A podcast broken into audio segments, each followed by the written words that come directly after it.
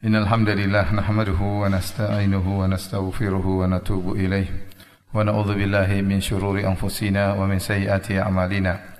من يهده الله فلا مضل له ومن يضلل فلا هادي له وأشهد أن لا إله إلا الله وحده لا شريك له وأشهد أن محمدا عبده ورسوله لا نبي بعده. يا أيها الذين آمنوا اتقوا الله حق تقاته ولا تموتن إلا وأنتم مسلمون. يا أيها الناس اتقوا ربكم الذي خلقكم من نفس واحدة وخلق منها زوجها وبث منهما رجالا كثيرا ونساء واتقوا الله الذي تساءلون به والأرحام إن الله كان عليكم رقيبا يا أيها الذين آمنوا اتقوا الله وقولوا قولا سديدا يصلح لكم أعمالكم ويغفر لكم ذنوبكم ومن يطع الله ورسوله فقد فاز فوزا عظيما أما بعد فإن أصدق الحديث كتاب الله الهدى هدى محمد صلى الله عليه وسلم وشر الأمور محدثاتها وكل محدثة بدعة وكل بدعة ضلالة وكل ضلالة في النار Hadirin dan hadirat, ikhwan dan akhwat yang dirahmati oleh Allah Subhanahu wa taala. Puji dan syukur kita panjatkan kepada Allah Subhanahu wa taala atas segala limpahan karunia dan kenikmatan yang terus-menerus Allah berikan kepada kita. Kita berharap semoga Allah Subhanahu wa taala menjadikan kita adalah hamba-hamba yang pandai bersyukur kepada Allah Subhanahu wa taala. Jangan menjadi seorang hamba yang hanya mengingat keburukan, mengingat musibah dan lupa dengan sekian banyak kenikmatan yang Allah berikan kepada kita. Ya. Sebagaimana Allah Subhanahu wa taala sebutkan tentang sifat manusia Ya. Innal insani li rabbih lakanud. Ya. Sungguhnya manusia itu sering berkeluh kesah pada Rabbnya. Kata Al Hasan Al Basri, yadhkuru al masaib wa yansa ni'am. Yang kerjaannya hanyalah mengingat musibah-musibah dan lupa dengan kenikmatan-kenikmatan.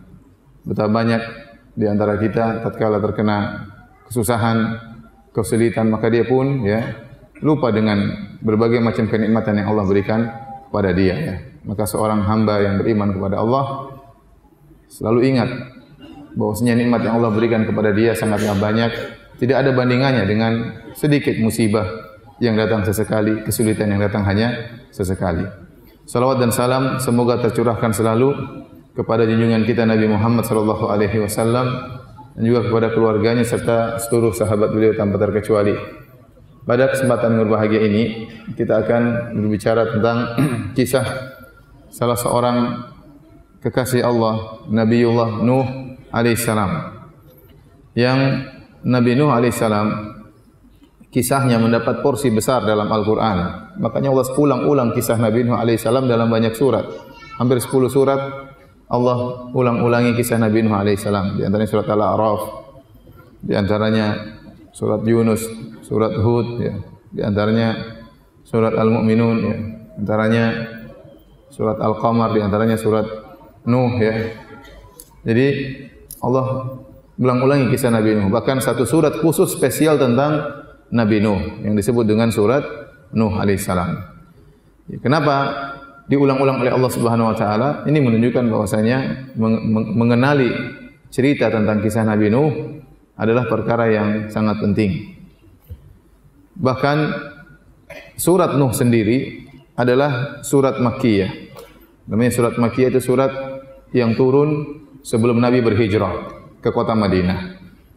Kenapa? Karena waktu Nabi di kota di kota Mekah sebelum Nabi berhijrah, kondisi dakwah sangat sulit.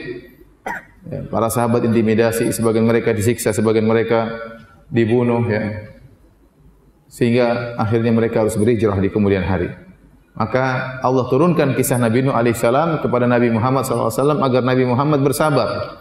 Sungguhnya apa yang dialami oleh Nabi Muhammad dan para sahabatnya ya tidak tidak lebih susah daripada yang pernah dihadapi oleh Nabi Nuh dan orang-orang beriman bersamanya. Ya.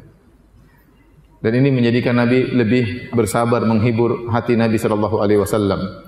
Oleh kerana Allah berfirman, wa kullan naqussu 'alaika min amba'ir rusuli ma nuthabbitu bihi fuadak. Dan kami kisahkan cerita-cerita para rasul yang cerita-cerita tersebut bisa menegarkan hatimu wahai Muhammad. Jadi sengaja Allah kisahkan kepada Nabi Muhammad sallallahu alaihi wasallam kisah para anbiya di antaranya kisah Nabi Nuh alaihi salam agar Nabi sallallahu alaihi wasallam lebih tegar hatinya bahwasanya apa yang dialami oleh beliau bukanlah cerita baru tapi sudah cerita lama yang selalu dialami oleh para nabi-nabi sebelum beliau alaihi wassalatu wassalam. Dan Nabi Nuh alaihi salam ya mengalami ujian yang sangat luar biasa ya. Makanya Muhammad bin Ishaq rahimahullahu taala pernah berkata, "Lam yalqa nabiyyun min qaumihi min al-adha mithla ma laqiyahu Nuh alaihi salam illa nabiyyun illa nabiyyan qutil." Ya, kata dia tidak ada seorang nabi pun yang mendapati ujian dari kaumnya, gangguan dari kaumnya seperti gangguan yang dialami oleh Nabi Nuh dari kaumnya.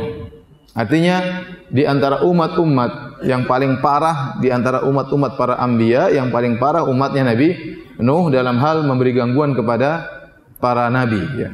Nanti kita akan dapat bagaimana parahnya kaum Nabi Nuh alaihissalam. Ya. Dan Nabi Nuh alaihissalam berdakwah bukan sebentar, dia berdakwah selama 950 tahun.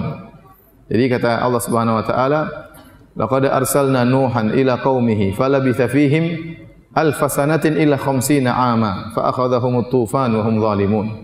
Kata Allah Subhanahu wa taala sungguh kami telah mengutus Nuh kepada kaumnya kemudian dia berdakwah di kaumnya selama 950 tahun. Kemudian kaumnya pun disiksa dan diazab dengan banjir yang sangat besar karena mereka berbuat zalim ya. Jadi Nabi Nuh itu berdakwah sangat panjang. 950 tahun dengan gangguan dari kaum yang sangat luar luar biasa ya. ya. Kita di sini ingin menceritakan kisah Nabi Nuh cuma uh, satu setengah jam mungkin ya. Kalau mau diceritakan 950 tahun terlalu panjang. Ya. Jadi kita ringkas aja satu setengah satu setengah jam ya. Hadirin hadirat yang dirahmati oleh Allah Subhanahu wa taala. Uh, Nabi Nuh memiliki beberapa ya keistimewaan, memiliki beberapa keistimewaan. Yang pertama Nabi Nuh alaihissalam ya memiliki umur yang sangat panjang. Ya. Dan demikianlah orang-orang terdahulu umur mereka sangat panjang-panjang. Ya. Disebutkan Nabi Nuh AS diangkat menjadi seorang Rasul, umurnya ada yang mengatakan 50 tahun, ada yang mengatakan 40 tahun sebagaimana Nabi-Nabi yang lain, ada yang mengatakan tatkala umurnya 250 tahun, ada yang mengatakan tatkala umurnya 350 tahun, baru diangkat menjadi seorang Rasul. Setelah itu dia berdakwah selama berapa tahun? 950 tahun. Setelah itu terjadi banjir besar membinasakan seluruh orang-orang kafir. Setelah semuanya meninggal, maka Nabi Nuh masih hidup lagi setelah itu. Ada yang mengatakan 60 tahun, ada yang mengatakan 480 tahun. Intinya, total Nabi umur Nabi Nuh berapa? Taruhlah diangkat jadi Nabi umur 50. Kita ambil yang paling ringan, yang paling rendah 50 tambah 950 kemudian tambah 60. Jadi berapa? 1000 60 tahun. Lumayan, lumayan. Coba kalau kita ambil pendapat yang lain, jadi Nabi 350 tahun. Kemudian berdakwah 950 tahun. Jadi berapa itu? Berapa antum hitung juga berapa? 1300. Terus tambah 480. Berarti berapa? 1780 tahun. Luar biasa ya.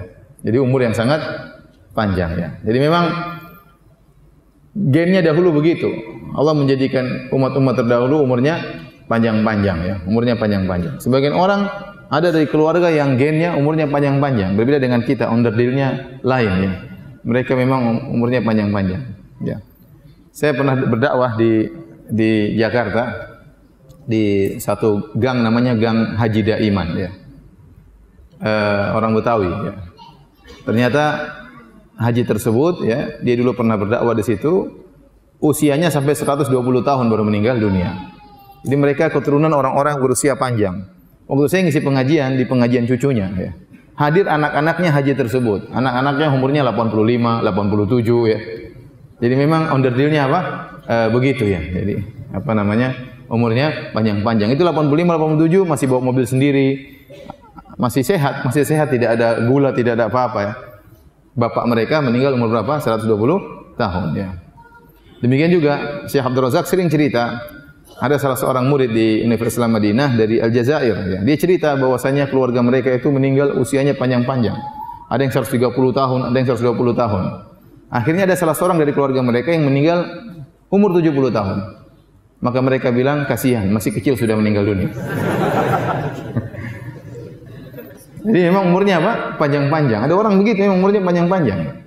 Sudah Syekh Abdul Razak aja, kakeknya dulu, ya, saya masih dapati meninggal sekitar umur 100, hampir 100 tahun.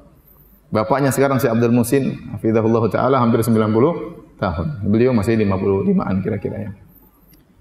Adapun kita ya, biasanya eh, 60 sekian sudah dipanggil oleh yang kuasa. Jadi memang underdilnya ber, berbeda. Jadi Nabi Nuh ini Allah sebutkan dakwanya sangat panjang sampai 650 tahun, sampai 950 tahun. Ini kesimpulan pertama. Kesimpulan yang kedua, Nabi Nuh alaihissalam ternyata adalah nenek moyang kita seluruhnya. Ya. Jadi nenek moyang kita yang pertama adalah Nabi Adam alaihissalam. Nabi Adam alaihissalam. Beliau adalah Abul Bashar. Kemudian nenek moyang kedua adalah Nabi Nuh alaihissalam. Ya. Tolong merapat ya, tolong merapat. Ada yang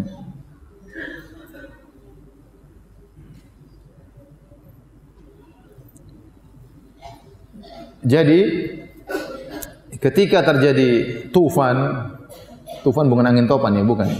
Tufan maksudnya banjir besar. Maka seluruh manusia meninggal di atas muka bumi, yang tersisa hanyalah Nabi Nuh dan orang-orang yang Allah selamatkan ashabus safina yang ada berada di atas kapal, di atas bahtera. Dan jumlah mereka cuma sedikit. Wa ma'a mana ma'ahu illa qalil. Kata Allah yang beriman bersama Nabi Nuh cuma sedikit sekitar 80 orang. Ada yang mengatakan bahkan sebagian dapat mengatakan hanya 8 orang, ada yang mengatakan cuma 7 orang. Ya, ada khilaf di kalangan para ahli sejarah. Tapi pendapat banyak dikatakan jumlah mereka 80 orang. Ya. Dari orang-orang bersama Nabi Nuh, Nuh juga di atas kapal tersebut dia bersama tiga putranya, yaitu Sam, Ham, dan Yafith. Ya. Nabi Nuh punya anak empat, Sam, Ham, Yafith, dan Yam. Yam disebut dengan Kanaan. Yam ini yang anaknya kafir yang tenggelam. Disebut oleh ahli sejarah dengan Yam, orang-orang ahlul kitab mengatakan Kanaan. Maka tatkala mereka diselamatkan oleh Allah Subhanahu wa taala, seluruhnya tidak punya anak keturunan atau anak keturunan mereka meninggal tidak tidak berlanjut. Yang berlanjut anak keturunannya cuma anak keturunan Nabi Nuh alaihissalam. Dalilnya apa? Allah berfirman dalam Al-Quran, waja'alna dzurriyyatahu humul baqin. Kata Allah kami jadikan anak keturunan Nabi Nuh itulah yang tersisa. Itulah yang tersisa di atas muka bumi ini. Jadi kita semua ini adalah keturunan Nabi Nuh alaihissalam. Sebagaimana kita semua ini adalah keturunan Nabi Adam alaihissalam. Dan Nabi Nuh anaknya yang hidup tiga orang, Sam, Ham dan Yafith. Sam disebut dengan Abul Arab, seluruh orang-orang Arab keturunan Sam. Kemudian Ham kata sebagian mereka mengatakan Abu Rum, seluruh orang-orang Romawi keturunan Ham. Jadi orang-orang Eropa semua keturunan apa? Ham. Orang-orang Arab semua keturunan Sam. Yafith adalah keturunan orang-orang Habasyah, Ethiopia, orang-orang Sudan, semuanya keturunan apa? Yafith. Nah antum saya enggak tahu keturunan yang mana. Tapi salah satu daripada tiga ini ya. ya. Dari tiga ini beranak pinak akhirnya muncul antum-antum ini ya. Jadi karena kita tahu Nabi Nuh alaihissalam adalah nenek moyang kita bersama ya. Maka sebenarnya kita harusnya tertarik mendengar cerita tentang nenek moyang kita. Karena kita bercerita tentang leluhur kita bersama dialah Nuh alaihissalam. Ini keistimewaan berikutnya dari Nabi Nuh. Keistimewaan yang lain dari Nabi Nuh alaihissalam, ya uh, Allah Allah sebutkan Nabi Nuh alaihissalam diberi uh, pujian oleh Allah dengan pujian abdan syakura, hamba yang pandai bersyukur. Kata Allah Subhanahu wa taala, "Dzurriyyata man hamalna ma'anu innahu kana abdan syakura." Dialah Nuh abdan syakura, hamba yang pandai bersyukur. Dan ini diketahui oleh manusia kelak pada hari kiamat tatkala di padang mahsyar. Sebagaimana dalam hadis Asy-Syafa'ah Al-Uzma, hadis yang masyhur, tatkala di hari kiamat kelak tatkala manusia dibangkitkan di padang mahsyar dengan jarak uh, matahari satu mil, maka keringat mereka bercucuran, mereka dalam kondisi kepayahan, mereka menanti-nanti kapan Allah datang untuk memulai persidangan. Dan inilah kondisi yang sangat berat. Ya ibarat seorang mau disidang, sekelompok orang mau disidang, tetapi ruang persidangan masih ditutup. Mereka disuruh tunggu di luar sementara matahari sangat panas. Maka mereka ingin segera dimulai persidangan. Maka datanglah manusia dengan penuh kepayahan dan kesulitan menuju kepada Nabi Adam alaihissalam. Kemudian mereka mengatakan, Ya Adam, anta abul bashar. Khalaqakallahu biyadaihi wa asjada laka malaikatahu askanakal jannah. Wahai Adam, engkau adalah nenek moyang manusia. Oh, manusia yang pertama adalah engkau. Allah ciptakan engkau dengan kedua tangannya. Engkau Allah menyuruh malaikat untuk sujud kepadamu. Allah menempatkan engkau di surga. Ya. Kemudian kata mereka, "Ama tara ma nahnu fi wa ma balaghana?" Tidakkah kau lihat bagaimana kondisi kami di padang mahsyar ini? Tidakkah kau lihat kepayahan yang kami rasakan? Ala tashfa lana ila rabbik? Tidakkah kau beri syafaat bagi kami di sisi Rabbmu? Maka Nabi Adam alaihissalam kemudian berkata, "Inna rabbi qad ghadiba al-yawma ghadaban lam yaqdab mithlahu qablahu wala ba'dahu. Sungguhnya Rabbku hari ini sedang sangat murka. Tidak pernah Allah murka sebelumnya seperti ini dan Allah tidak akan murka setelahnya seperti ini. Wa qad nahani an syajarah dan sungguhnya ya Allah telah melarangku untuk mendekati sebuah pohon dan aku mendekati dan melanggar larangan Allah Subhanahu wa taala. Jadi Adam alaihissalam minta uzur tidak bisa memberi syafaat karena dia pernah melakukan kesalahan. Adam berkata nafsi nafsi jiwaku jiwaku diriku juga butuh syafaat bukan kalian saja saya juga butuh syafaat. Nabi Adam berkata idhabu ila ghairi pergilah kepada nabi yang lain. Idhabu ila nuh kata Adam pergilah kalian kepada nabi nabi nuh. Ya. Orang-orang pun meninggalkan nabi Adam di padang mahsyar maka mereka berjalan menuju kepada nabi nuh alaihissalam kemudian mereka bertemu dengan nabi nuh. Mereka berkata ya nuh anta awalur rusuli ila akhir ila ahli lar engkau adalah rasul yang pertama yang Allah utus ke atas muka bumi. Waqad sammaka Allahu abdan syakura. Dan Allah telah menamakan engkau dengan hamba yang pandai bersyukur. Jadi mereka tahu keistimewaan Nabi Nuh. Sammaka Allahu abdan syakura. Allah telah menamakan engkau dengan hamba yang pandai bersyukur. Ala tara ma nahnu fi tidakkah kau lihat bagaimana kondisi kami? Wa balagana kesulitan yang kami hadapi. Ala tasfa' lana ila rabbik. Tidak kau beri syafaat bagi kami di sisi Rabbmu. Nabi Nuh sama mengatakan Rabbku sedang murka. Tidak pernah murka seperti ini sebelumnya dan tidak akan murka seperti sesudahnya. Kemudian Nabi Nuh berkata nafsi nafsi jiwaku juga butuh syafaat jiwaku juga butuh syafaat. Idhabu ila ghairi. Pergilah kepada nabi yang lain. Nabi Nuh menolak untuk memberi syafaat Akhirnya mereka pergi kepada Nabi Ibrahim. Nabi Ibrahim juga menolak. Mereka pergi kepada Nabi Musa. Nabi Musa menolak.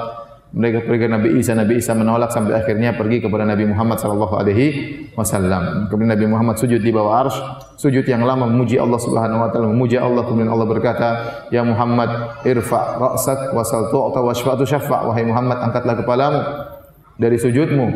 Mintalah kepada Allah akan dikabulkan, berilah syafaat kau akan diberi syafaat. Itu yang disebut dengan maqamah mahmudah. Intinya manusia pada hari kiamat kelak tahu Nabi Nuh di antara pujian Allah kepada Nabi Nuh abdan syakura, hamba yang pandai bersyukur. Padahal Nabi Nuh alaihissalam kalau kita lihat sejarahnya nanti ya. Nabi Nuh bukan orang paling kaya. Nabi Nuh hidup dengan kesulitan. Nabi Nuh tiap hari dicaci maki oleh umatnya. Selalu diuji dengan ujian yang sangat berat. Tadi kata kata siapa? Muhammad bin Ishaq. Tidak ada seorang nabi pun yang diuji seperti ujiannya Nabi Nuh dari kaumnya kecuali Nabi yang terbunuh dan Nabi yang terbunuh. Ya, tetapi selain itu Nabi yang paling berat diuji oleh kaumnya adalah Nabi Nuh alaihissalam. Meskipun ujian berat dia hadapi selama 950 tahun, tapi ternyata dia adalah hamba yang pandai bersyukur. Seharusnya kalau kita kasih gelar dia adalah hamba yang bersabar lebih cocok. Seharusnya kalau dikasih gelar hamba yang bersabar lebih cocok. Tapi ternyata Nabi Nuh mencapai tingkatan yang lebih tinggi. Dia bukan cuma pandai bersabar. Bahkan dia pandai apa? Bersyukur di tengah-tengah kesulitan yang dia hadapi. Dia pandai bersyukur di tengah-tengah kesulitan dan ujian yang luar biasa yang dia hadapi. Ini di antara keistimewaan Nabi Nuh AS. Dan Nabi Nuh AS, kenapa dikatakan hamba yang pandai bersyukur? Maka ada beberapa pendapat di kalangan para ulama. Di antaranya, Nabi Nuh AS lisannya selalu memuji Allah Subhanahu Wa Taala. Setiap dia dapat kenikmatan selalu dia memuji Allah. Alhamdulillah. Kalau dia makan kalau dia makan makanan dia memuji Allah. Kalau dia minum minuman dia memuji Allah. Kalau dia pakai baju dia memuji Allah Subhanahu wa taala. Maka Allah mengatakan dialah hamba syakuran, abdan syakuran, hamba yang senantiasa bersyukur. Selalu mengingat kebaikan Allah Subhanahu wa taala. Ujian berat yang dia hadapi seakan-akan terlupakan. Itulah Nabi Nuh alaihi alaihissalam. Ya. Dan Allah suka dengan hamba yang seperti itu dalam hadis kata Nabi sallallahu alaihi wasallam, "Inna Allah la yardu 'anil 'abdi idza akala al-aklata fayahmaduhu 'alaiha aw ayashraba syarba fayahmaduhu 'alaiha Allah sungguh ridho suka kepada seorang hamba kalau dia makan makanan lantas dia memuji Allah. Kalau dia minum minuman maka dia memuji Allah. Ya, makanya di antara sunnah kalau kita setelah makan setelah minum kita baca doa alhamdulillahilladzi at'amani hadza ta'am min ghairi haulin minni wala quwwah. Ya, segala puji bagi Allah yang telah mengelurahkan kepadaku makanan ini atau minuman ini tanpa ada daya upaya dariku. Atau paling tidak kita mengatakan alhamdulillahirabbil alamin ya. Ini di antara keistimewaan Nabi Nuh. Di antara keistimewaan Nabi Nuh alaihissalam yang lain, eh, Nabi Nuh alaihissalam adalah Rasul yang pertama yang Allah utus ke atas muka bumi. Rasul yang pertama. Jadi antara Nabi Nuh dengan Nabi Adam atau Nabi Adam dengan Nabi Nuh ada 10 kurun. Dan tidak diutus Rasul kecuali Nuh alaihissalam. Kata Ibn Abbas radhiyallahu anhu, kana baina Adam wa Nuhin asyratu qurun wa kanu ala islam kata Ibnu Abbas jarak antara Nabi Adam dengan Nabi Nuh 10 kurun. Dan seluruhnya di atas Islam. Belum ada kesyirikan. Seluruhnya di atas Islam 10 kurun ini maksudnya apa ada yang berpendapat 10 kurun maksudnya satu kurun satu kurun adalah 100 tahun berarti kalau 10 kurun 1000 tahun berarti jarak antara Nabi Adam dengan Nabi Nuh adalah seribu tahun. Ini pendapat. Pendapat yang lain disebutkan juga oleh Ibnu Katsir rahimahullahu taala bahwasanya korn bisa dimaksudkan adalah generasi. Antara Nabi Adam dengan Nabi Nuh ada sepuluh generasi dan satu generasi umurnya panjang-panjang. Lihat aja Nabi Nuh saja sampai seribu tahun lebih. Ya. Dan tidak tahu umat-umat sebelum Nabi Nuh mungkin lebih panjang lagi umurnya. Ya. Oleh karenanya kalau demikian makna korn adalah generasi, Berarti jarak antara Nabi Adam dan Nabi Nuh bisa ribuan ribuan tahun, banyak ya. Mungkin sepuluh ribu, mungkin lebih. Kalau satu generasi saja seribu tahun, apalagi sepuluh generasi. Dan selama itu belum ada Rasul yang diutus. Padahal telah terjadi kemaksiatan, padahal telah terjadi pembunuhan. Di antara pembunuhan, di antara maksiat yang terjadilah terbunuhnya Habil oleh Qabil. Ya. Sebagaimana Allah sebutkan dalam Al-Quran dalam surat Al-Maidah. Watlu alaihim naba'a bani Adam bil haqqi id qarraba qurbanan fatuqabbala min ahadihima wa lam yutaqabbal min al-akhar qala la aqtulanna qala inna ma yataqabbalu min Allah inna ma yataqabbalu Allahu min al-muttaqin la in basatta ilayya yadaka li taqtulani ma ana bi basiti yadi li aqtulak ya kata Allah bacakanlah kepada mereka tentang kisah dua bersaudara Qabil dan Habil yang mereka berdua menyerahkan korban kepada Allah Subhanahu wa taala maka korban diterima oleh Allah dari Habil dan tidak diterima dari Qabil. Akhirnya Qabil hasad kepada Habil. Ya. Padahal mereka bersaudara, bersaudara kandung. Ya. Saking hasadnya dia berkata, "La aqtulan nak sungguh aku benar-benar akan bunuh engkau wahai adikku." Dia ingin bunuh adiknya sendiri. Maka adiknya berkata, "Inna ma yataqabbalullahu minal muttaqin." Ya, korban itu diterima dari orang yang bertakwa. Ya. Akhirnya Kata dia, la in basatta ilayya yadaka litaqtulani. Kalau kau ingin membunuhku, aku tidak akan membalas. Silakan bunuh aku. Akhirnya kakaknya bunuh dia. Ini antara maksiat yang terjadi setelah Nabi Adam tiada, ternyata kakak beradik kakak membunuh adiknya. Berarti maksiat pembunuhan sudah terjadi. Dan mungkin ada maksiat-maksiat yang lain. Ada mungkin pemerkosaan atau ada perzinahan atau ada pencurian, pembunuhan saja terjadi. Tetapi selama ribuan tahun tersebut Allah belum mengitis belum mengutus seorang rasul. Kapan seorang rasul diutus oleh Allah tatkala muncul kesyirikan, tatkala muncul kesyirikan. Dan kesyirikan yang pertama kali terjadi di alam semesta adalah kesyirikan yang terjadi di zaman kaumnya Nabi Nuh alaihissalam. Maka saat itulah Allah mengutus Nabi Nuh alaihissalam. Apa kata Allah Subhanahu wa taala menceritakan tentang perkataan kaum Nabi Nuh dalam surat Nuh Kata Allah wa qalu la tadharunna alihatakum wa la tadharunna waddan wa la suwa'an wa la yaghutha wa ya'uqa wa nasra. Wa qad adallu katsira. Para kaum Nabi Nuh saling mengingatkan di antara mereka untuk bersabar menyembah tuhan-tuhan mereka. Jadi bersabar dalam kesyirikan, sabar menyembah syirik. Kata mereka, jangan sekali-sekali kalian meninggalkan Wat, Suwa, Yaguth, Ya'uq, Nasr. Lima Tuhan kita ini jangan ditinggalkan. Sembah terus lima Tuhan kita ini. Jadi mereka sering mewasiatkan. Nah, siapa kelima orang ini? Dijelaskan oleh Ibn Abbas radhiyallahu anhu dalam Sahih Al Bukhari. Ya. Ibn Abbas berkata, haula'i asma'u rijalin qaumi rijalin salihin min qaumi Nuh. Ini lima orang inilah nama orang-orang soleh di zaman Nabi Nuh alaihissalam. Falamma matu tatkala lima orang soleh ini meninggal dunia, auha syaitan ila qaumihi maka syaitan memberi wahyu membisikkan kepada kaum Nabi Nuh anin sabu ila majalisihim allati kanu yajlisuna fiha ansaba wa sammuha bi asma'ihim Kata syaitan ingin menggoda manusia, menjerumuskan kepada kesyirikan, tapi syaitan melalui tahapan. Tahapan pertama, disuruh bangun dulu patung-patung. Kata syaitan, bangun patung-patung, di tempat biasa mereka duduk-duduk, bermajelis, kemudian namakan patung-patung tersebut dengan nama-nama orang-orang soleh tersebut. Tujuannya apa? Agar termotivasi orang kalau lihat patung orang soleh tersebut semangat beribadah, ingat ketakwaan mereka, memotivasi masyarakat untuk beribadah kepada Allah. Fafa'alu walam tu'bad. Maka mereka pun bangun patung-patung mereka namakan dengan nama-nama orang soleh tersebut. Namun patung-patung tersebut belum disembah. Kapan disembah? Tahapan berikutnya. Tahapan berikutnya oleh syaitan. Falamma halaka ulaik wa nusiyal ilmu ubidat. Tatkala generasi pertama yang bangun patung-patung tadi meninggal dunia, muncul generasi-generasi berikutnya dan generasi-generasi berikutnya tidak tahu tujuan dibangun patung ini untuk memotivasi datang syaitan lagi mewahyukan bahwasanya patung-patung ini disembah dan kalau disembah akan mendatangkan maslahat-maslahat. Akhirnya disembahlah patung-patung tersebut. Demikian cara setan uh, menggoda manusia. Jadi ternyata kesyirikan pertama kali terjadi di alam semesta adalah di zaman Nabi Nuh alaihissalam. Sehingga Allah pun mengutus Nabi Nuh alaihissalam. Dan ternyata sebab terjadi kesyirikan di alam semesta adalah karena mengkultuskan orang-orang soleh. Mengkultuskan orang-orang soleh. Berlebih-lebihan. Gulu fi salihin. Berlebih-lebihan terhadap orang-orang soleh. Dan ini yang telah disebutkan oleh Ibnu Hajar rahimahullah bahwasanya sebab utama terjadi kesyirikan di alam semesta ini adalah terlalu berlebih-lebihan kepada orang soleh. Dan ini benar ya kalau kita berbicara tentang berbagai macam kesyirikan di alam semesta adalah sebabnya karena bersikap mengkultuskan orang-orang soleh contoh kaum Nabi Nuh siapa Wat Suwa Yaguth Yauk Nasr ini orang-orang soleh Dikultuskan akhirnya lama-lama disembah. Contoh orang kesyirikan terjadi di zaman Nabi Muhammad wasallam. Siapa yang disembah? Di antara yang disembah adalah Lata. Dan Lata ini kata Ibnu Abbas dalam Sahih Al Bukhari juga kana yalitu sawiq walil hujjaj. Dia adalah orang yang soleh yang dahulu waktu masih hidup sering membuat adonan makanan dibagi-bagikan kepada jemaah haji gratisan. Dia bagi makan kepada jemaah haji.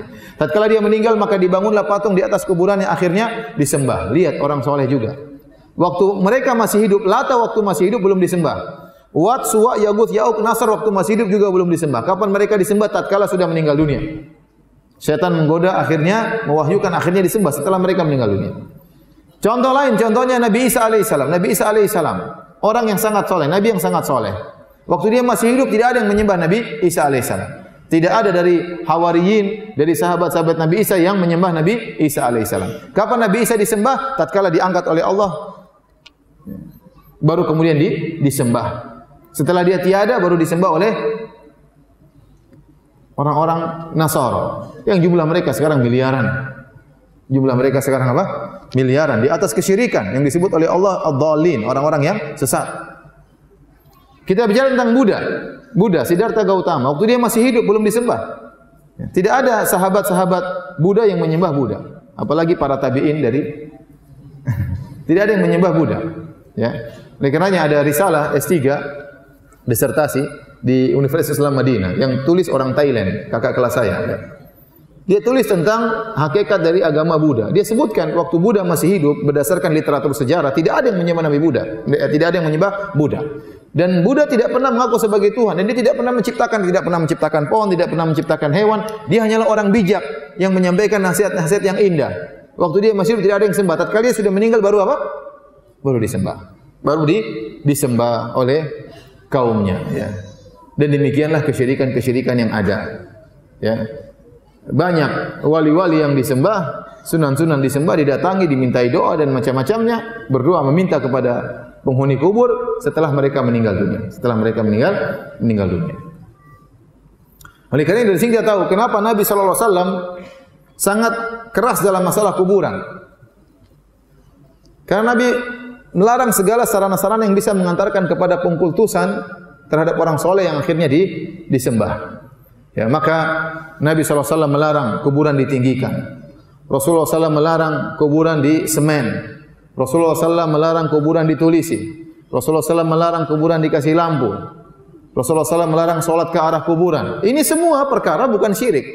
Meninggikan kuburan, menulisin kuburan, kasih tanah apa, mengkapuri kuburan, menyemen kuburan. Ini bukan syirik. Solat ke arah kuburan juga bukan syirik. Tapi ini dilarang karena khawatir mengantarkan kepada hal-hal tersebut. Ya. Namun kata Ibnu Qayyim rahimahullah, seluruh larangan ini, seluruh larangan Nabi tentang kuburan dilanggar oleh kaum muslimin dilanggar oleh kaum muslimin ya. Oleh karenanya Al-Imam Syaukani rahimahullah menyebutkan dalam kitabnya Syarh Sudur disebutkan antum bayangkan ada seorang masuk ke kuburan orang soleh. Kemudian kuburan ini ternyata tinggi, ditinggikan. Kemudian dilapisi dengan sitar, dengan kain ditulis tulisan kaligrafi. Kemudian dikasih dupa-dupa, kemudian dikasih lampu, ya. Kemudian ada orang baca Quran sekitarnya. Kalau orang datang apa perasaan dia? Ini jangan-jangan mayat ini bisa beri manfaat, bisa beri mudarat. Timbul keyakinan tersebut muncul dengan sendirinya, apalagi orang-orang awam. Akhirnya apa? Orang minta kepada penghuni kubur tersebut. Akhirnya itu kesyirikan yang dilarang. Dan itu banyak banyak terjadi. Banyak orang-orang datang kuburan kemudian minta-minta kepada kuburan. Kalau menziarahi kuburan bagus. Menziarahi kuburan tujuannya apa? Untuk mengingat kematian, untuk mendoakan penghuni kubur. Itu tujuan ziarah kubur yang sunnah. Tujuannya untuk mengingat kematian agar kita ingat bahwasanya kita akan meninggal seperti dia. Yang kedua untuk mendoakan penghuni kubur. Sebagaimana para sahabat yang masih hidup datang ke kuburan syuhada Uhud mendoakan para syuhada Uhud. Bukan minta-minta kepada mereka. Namun ternyata syariat yang indah ziarah kuburan ini terkadang berubah. Orang-orang datang bukan mendoakan penghuni kubur malah minta-minta kepada penghuni kubur. Terkadang ya apalagi di terkadang sangat menyedihkan terkadang di provokasi oleh sebagian orang-orang dai-dai yang mengatakan suruh malah suruh ke situ, malah suruh minta-minta ke situ, menyuruh kepada kesyirikan. Ini adalah sebab terjadinya kesyirikan di alam semesta, sikap berlebih-lebihan kepada orang-orang soleh. Ya. Kemudian ikhwan dan akhwat yang dirahmati Allah Subhanahu wa taala, seluruh nabi menyeru kepada tauhid. Wala qad ba'atsna fi kulli ummatin rasulan an ibudullaha wajtanibu wajtanibu tagut. Sungguh kami mengutus pada setiap umat seorang rasul yang menyeru kepada kaumnya sembahlah Allah dan jauhilah kesyirikan. Ya. Dan mengingatkan manusia dari kesyirikan itu tujuan utama para anbiya, para nabi. Kita mengingatkan manusia dari berbagai macam maksiat, dari perzinahan kita ingatkan bahaya, ya dari perjudian, dari khamar, dari riba, tetapi mengingatkan manusia kepada kesyirikan itu sangat penting karena itu maksiat yang paling besar. Maksiat yang sangat paling besar. Ini pertama, syirik adalah maksiat yang paling besar. Yang kedua, maksiat itu masih terjadi, kesyirikan masih ada di zaman kita. Masih ada atau tidak? Masih banyak. Masih banyak orang menyembelih kepada selain Allah, masih banyak orang menyembelih kepada jin, masih banyak orang pakai jimat, masih banyak orang pergi ke dukun. Dukunnya saja masih banyak. Dukun masih banyak atau tidak? Masih banyak. Masih banyak orang pergi ke kuburan-kuburan wali minta-minta ke situ. Masih banyak.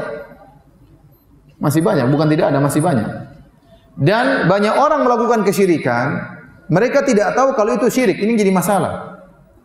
Kalau orang berzina, mereka tahu itu dosa. Mereka tahu itu zina. Kalau orang minum khamar, mereka tahu itu dosa. Kalau orang makan riba, mereka tahu itu dosa. Orang mencuri, dia tahu itu dosa. Tapi banyak orang melakukan kesyirikan, dia tidak sadar itu kesyirikan. Maka semakin menekankan kita untuk mengingatkan itu adalah kesyirikan. Banyak orang ya pakai jimat dia menyangka ini ini bukan syirik namanya ikhtiar usaha. Padahal apa? Syirik. Banyak dukun namanya orang pintar. Dia pergi ke orang pintar, ini orang pintar. Dia tidak merasa berdosa sama sekali. Ya. Banyak orang memotong ayam, memotong kambing untuk bangun rumah, dikatakan tradisi masyarakat. Dia tidak tahu itu syirik. Sehingga perlu diingatkan ini merupakan apa? Kesyirikan. Terkadang kita melarang orang pakai jimat sementara yang jual jimat kiai kadang-kadang. Repot. Ya. Betapa banyak orang belajar ilmu kanuragan, ternyata itu dengan jin. Kerjasama dengan apa? Dengan jin. Ya. Dengan dengan jin ya. Saya mau cerita, saya kemarin habis dakwah di suatu tempat, situ banyak orang-orang sakti. Bukan di sini saya pergi dakwah di sana, terkenal saya tidak ingin sebut nama kota tersebut. Intinya saya dari sana, kemudian saya pulang diantar oleh salah seorang ustaz, ustaz sunnah juga, semobil dari berjam-jam kita berjalan bareng. Dia cerita ustaz saya ini berasal dari keluarga sakti-sakti. Bapak saya sakti, om saya sakti, kakek saya juga sakti. Jadi banyak orang datang belajar ke mereka minta ilmu, nanti suruh bayar mahar. Ya. Terus dia cerita, suatu hari sepupu saya, dia enggak pandai ngomong. Dia kalau ceramah ke depan orang mungkin enggak enak ngomongnya. Pokoknya dia enggak pandai ngomong. Maka dia ingin belajar sama om saya tentang ilmu supaya pandai ngomong ya. Jadi ada ilmunya juga supaya pandai apa? Ngomong. Akhirnya dia belajar sama om saya, kata om saya, oke, okay, kamu silakan belajar, tapi maharnya harus bayar, 10 gram emas. 10 gram emas. Akhirnya kata sepupu saya, ya om, ya, tapi 5 gram dulu ya om ya. Yang penting saya belajar dulu. Kata omnya enggak apa, 5 gram nyusul. Akhirnya dikasihlah 5 gram, kemudian dia belajar ilmu tersebut, suruh wirid ini, wirid anu, wirid ini, wirid anu, suruh ini, ritual, ritual. Akhirnya dia pandai ngomong. Waktu dia pandai ngomong, yang pertama dibohongin omnya itu. Akhirnya 5 gram tidak dibayar-bayar sampai sekarang. Setelah itu dia bohongin banyak orang, ngomong-ngomong sampai uh, Ustaz ini cerita dia pernah telepon saya mau pinjam uang, saya enggak berani ngomong Ustaz. Karena saya takut dia apa? Nyihir saya dengan ilmunya tersebut. Maka langsung saya bentak-bentak sebelum dia karena kalau saya sudah dengar lama akhirnya saya terbawa. Ya, seperti itu. Ini ilmu-ilmu yang mengerikan, pasti ada kaitannya dengan jin. Dengan dibumbui dengan ayat-ayat Al-Qur'an, ya. Betapa banyak orang wirid-wirid dengan ayat Al-Qur'an ternyata disalahgunakan. Ya. Contoh saya pernah meruqyah seseorang, seorang ustaz. Ya. Alhamdulillah sekarang dia sudah berdakwah di mana-mana. Dia minta untuk diruqyah. Saya bilang ada apa? Dia minta diruqyah. Saya baca Al-Quran dia kepanasan. Saya tanya kenapa kamu bisa begini? Dia saya dulu waktu masih di Indonesia, saya dulu sering baca surat Yusuf dengan harapan cewek-cewek muda tergoda dengan saya supaya tampannya Nabi Yusuf apa, kecipratan ke dia ya. Ini salah padahal surat Yusuf alaihissalam adalah untuk mengingatkan tentang bahaya fitnah wanita. Iya atau tidak? Nabi Yusuf digoda oleh wanita dan Nabi Yusuf bisa selamat. Ini malah digunakan untuk bisa gayet apa? Cewek. Akhirnya kemasukan jin. Bayangkan gara-gara baca Quran kemasukan apa? Jin. Kenapa waktu dia baca Quran niatnya bukan untuk mencari hidayah. Ya. Tapi untuk niat yang salah, niat duniawi. Akhirnya jin masuk ke dalam tubuhnya. Saya juga pernah meruqyah orang, dia kemasukan jin, maksud di Pondok Jamil Rahman di di Jogja dengan Ustaz Abu Sa'ad rahimahullah taala. Orang itu kenapa kemasukan jin? Setelah dia sadar dia tanya, dia baru kemasukan jin karena baca ayat kursi kalau enggak salah 7000 kali. Ayat kursi yang harusnya mengusir setan malah buat dia kemasukan apa? Setan. Ini kenyataan mengerikan ya. Oleh karenanya ya seperti ini ayat ayat Al-Qur'an salah disalahgunakan. Ada orang bilang ustaz, kalau mau hilang ada yang bisa dibaca wirid berapa ribu kali. Apa bacaannya? Wal yatalattaf, wal yatalattaf. Itu adalah ayat paling tengah dalam Al-Qur'an. Kalau dalam Al-Qur'an lama warna merah kan? Wal yatalattaf. Nanti bisa hilang. Oh, masa? ente kalau ente terus ente sudah bisa hilang, ente mau apa? Emang enak kalau bisa menghilang?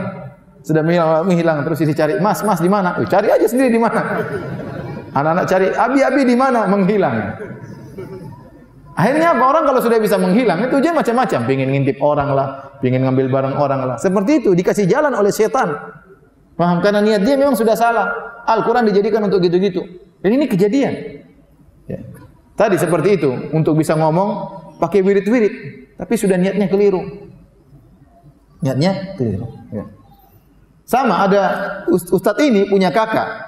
Ustadz ini punya kakak, ustadz sunnah juga. Dia mondok di salah satu pondok sunnah di Jawa. Dan beberapa preman-preman datang ke situ mengancam-ngancam.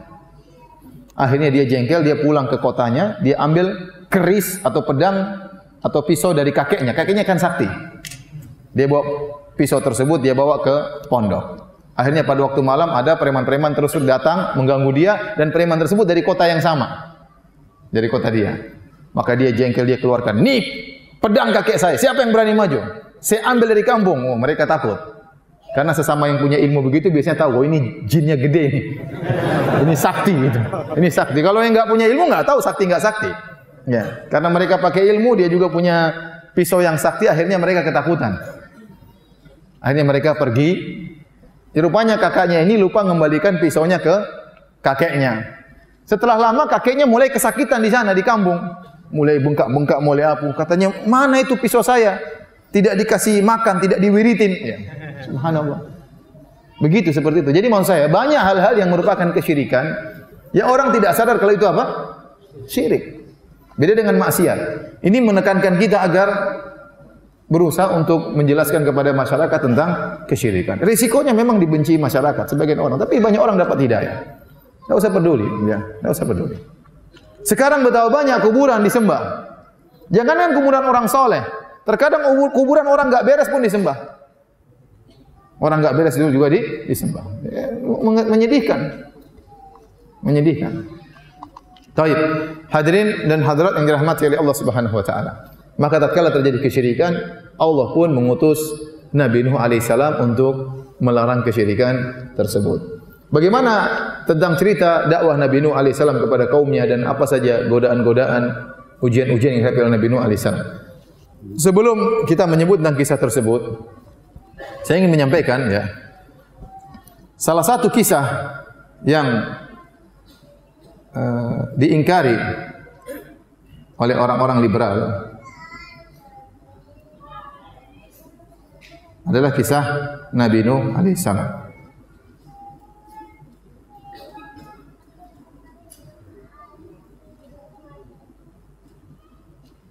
Orang-orang liberal menganggap kisah-kisah dalam Al-Quran itu adalah kisah-kisah yang tidak yang fiktif, tidak tidak mesti terjadi. Tidak mesti terjadi. Padahal seluruh kisah dalam Al-Quran adalah kisah yang nyata. Makanya Allah suruh ceritakan kisah-kisah tersebut kata Allah faqususil qasasa la'allahum yatafakkarun.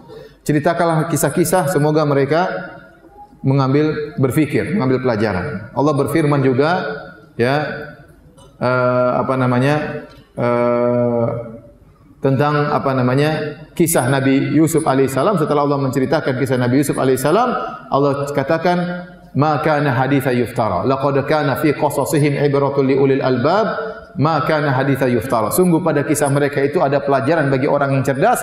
Maka na haditha yuftara. Dan kisah tersebut bukanlah kisah yang fiktif, tapi kisah yang pernah terjadi. Kisah Nabi Adam, Nabi Nuh, Nabi Daud, Nabi Sulaiman. Semua Nabi-Nabi yang Allah sebutkan dalam Al-Quran, demikian disebut oleh Nabi Muhammad SAW dalam hadis-hadisnya, semuanya kisah nyata, bukan kisah dongeng belaka. Yang mengatakan kisah itu dongeng, orang-orang kafir. Mahadha illa asatirul awalin, kata mereka, Inilah dongeng-dongeng orang terdahulu, orang-orang kafir dahulu, orang musyrikin Arab dahulu menamakan Al-Quran dengan apa? Dongeng orang-orang terdahulu. Ternyata perkataan orang musyrikin ini diulangi lagi oleh orang liberal zaman sekarang.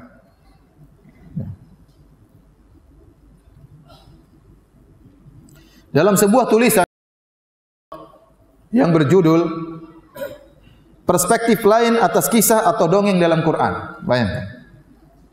Judulnya perspektif lain atau kisah atau dongeng dalam Al-Quran. Saya nimbrung diskusi sedikit ya, karena tema soal kisah dalam Quran ini menarik untuk dibicarakan. Pertanyaan pertama, apakah kisah-kisah dalam Al-Quran itu semua secara faktual pernah terjadi? Dia mengatakan Quran tidak terlalu peduli dengan faktualitas cerita-cerita itu. Yang penting adalah moral atau pesan yang hendak dihantarkan melalui kisah tersebut. Dia berkata lagi, menurut saya penggambaran tentang Tuhan dalam Quran itu jujur saja ya, harus diakui masih dipengaruhi perspektif agama Yahudi. Maksud saya begini kata dia, kalau kita telah kisah-kisah dalam Quran ada pola demikian. Nuh Nabi datang berdakwah lalu masyarakat menolak bahkan memusuhi. Ujung ceritanya Tuhan marah mengirim azab. Azab yang buat saya paling mengerikan adalah banjir Nuh di antara yang dia ingkari kisah Nabi Nuh alaihissalam. Azab ini secara nurani dan akal sehat sangat mengganggu. Jadi kisah Nabi Nuh tidak sesuai, menurut dia tidak sesuai dengan akal sehat. Menyelisih nurani dia. Kita bilang akal dia yang sakit, nurani dia yang enggak beres, paham? Ini dia bilang beraninya. Apakah benar hanya karena masyarakat menolak dakwah Nabi Nuh, Tuhan marah besar dan mengirim banjir yang melanda seluruh bumi? Dia tidak tahu ini masyarakat kurang ajar 950 tahun mengejek Nabi.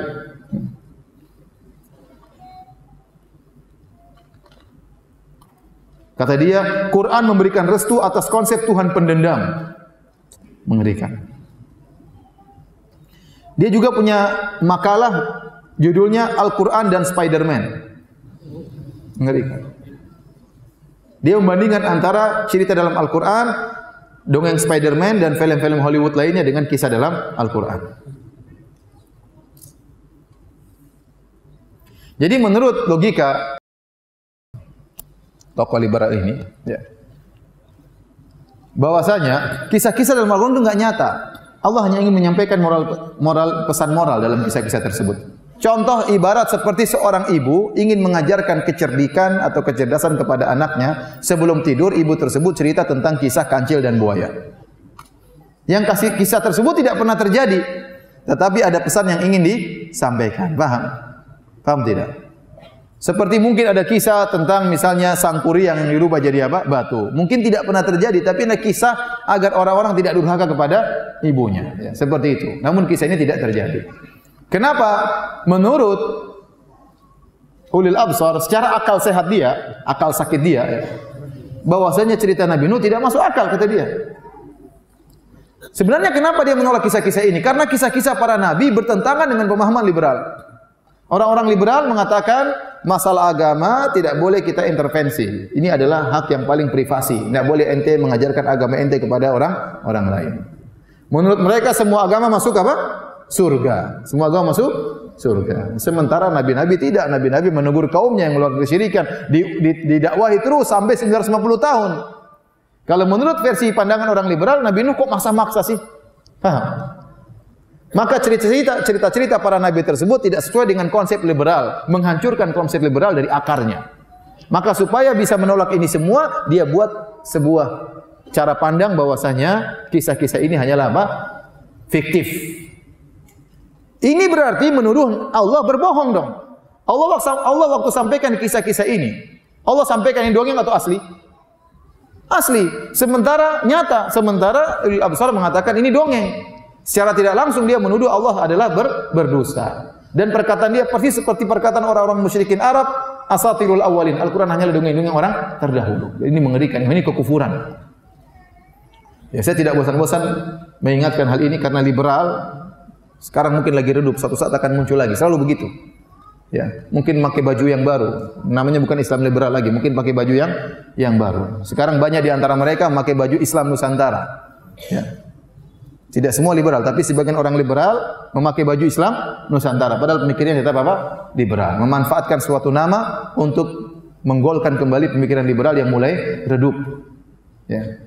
Dan mereka ini dai-dai yang rusak. Ya. Hati-hati. Taib.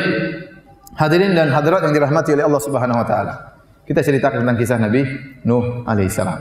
Allah menyebut kisah Nabi Nuh dalam banyak surat di antaranya dalam surat Al-A'raf Kata Allah Subhanahu wa taala laqad arsalna nuhan ila qaumihi faqala ya qaumi ibudullaha ma lakum min ilahin ghairu inni akhafu alaikum adzab yaumin azim.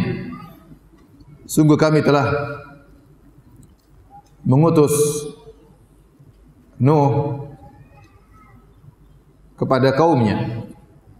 Kemudian dia berkata, "Ya kaumku, ubudullaha ma lakum min ilahin ghairu." Sembahlah Allah semata dan tidak ada sembahan selain Allah. Ini akhafu alaikum adab yaumin azim. Aku khawatir adab yang pedih akan menimpa kalian. Qala al mala'u min qaumihi inna lanaraka fi dhalalin mubin.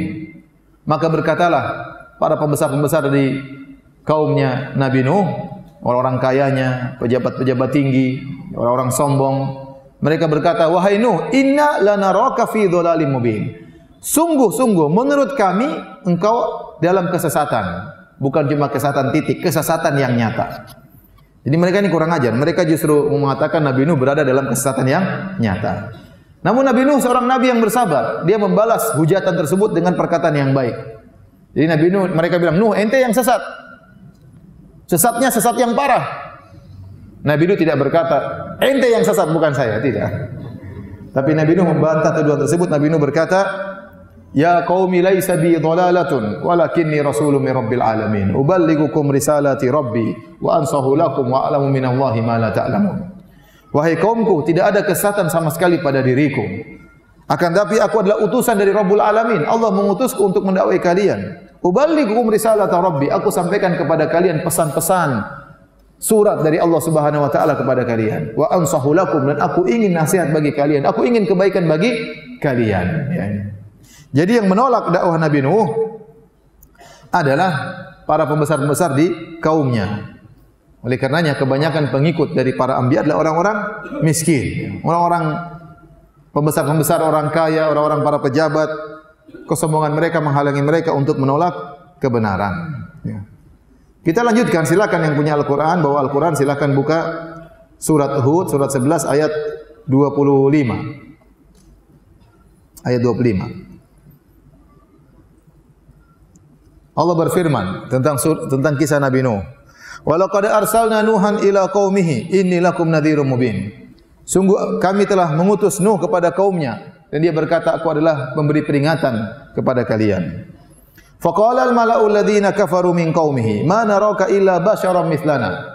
Maka para pembesar-pembesar dari kaum Nabi Nuh yang mereka adalah kafir mereka berkata, "Ma naraka illa basyaran mithlana." Wahai Nuh, menurut kami kamu hanyalah manusia biasa. Ya. Jadi mereka tidak mau beriman kepada Nabi Nuh, mereka menyebutkan banyak alasan.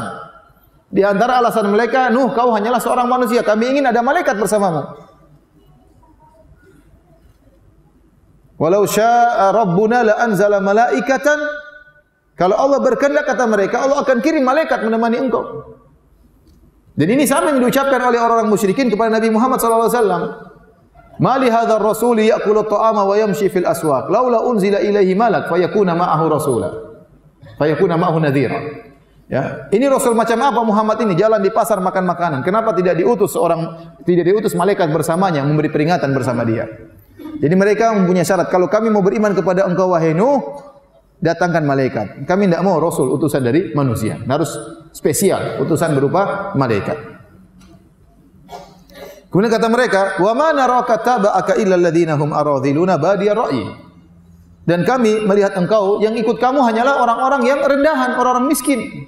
Badiya ra'yi, dia hanya terima tanpa pikir panjang.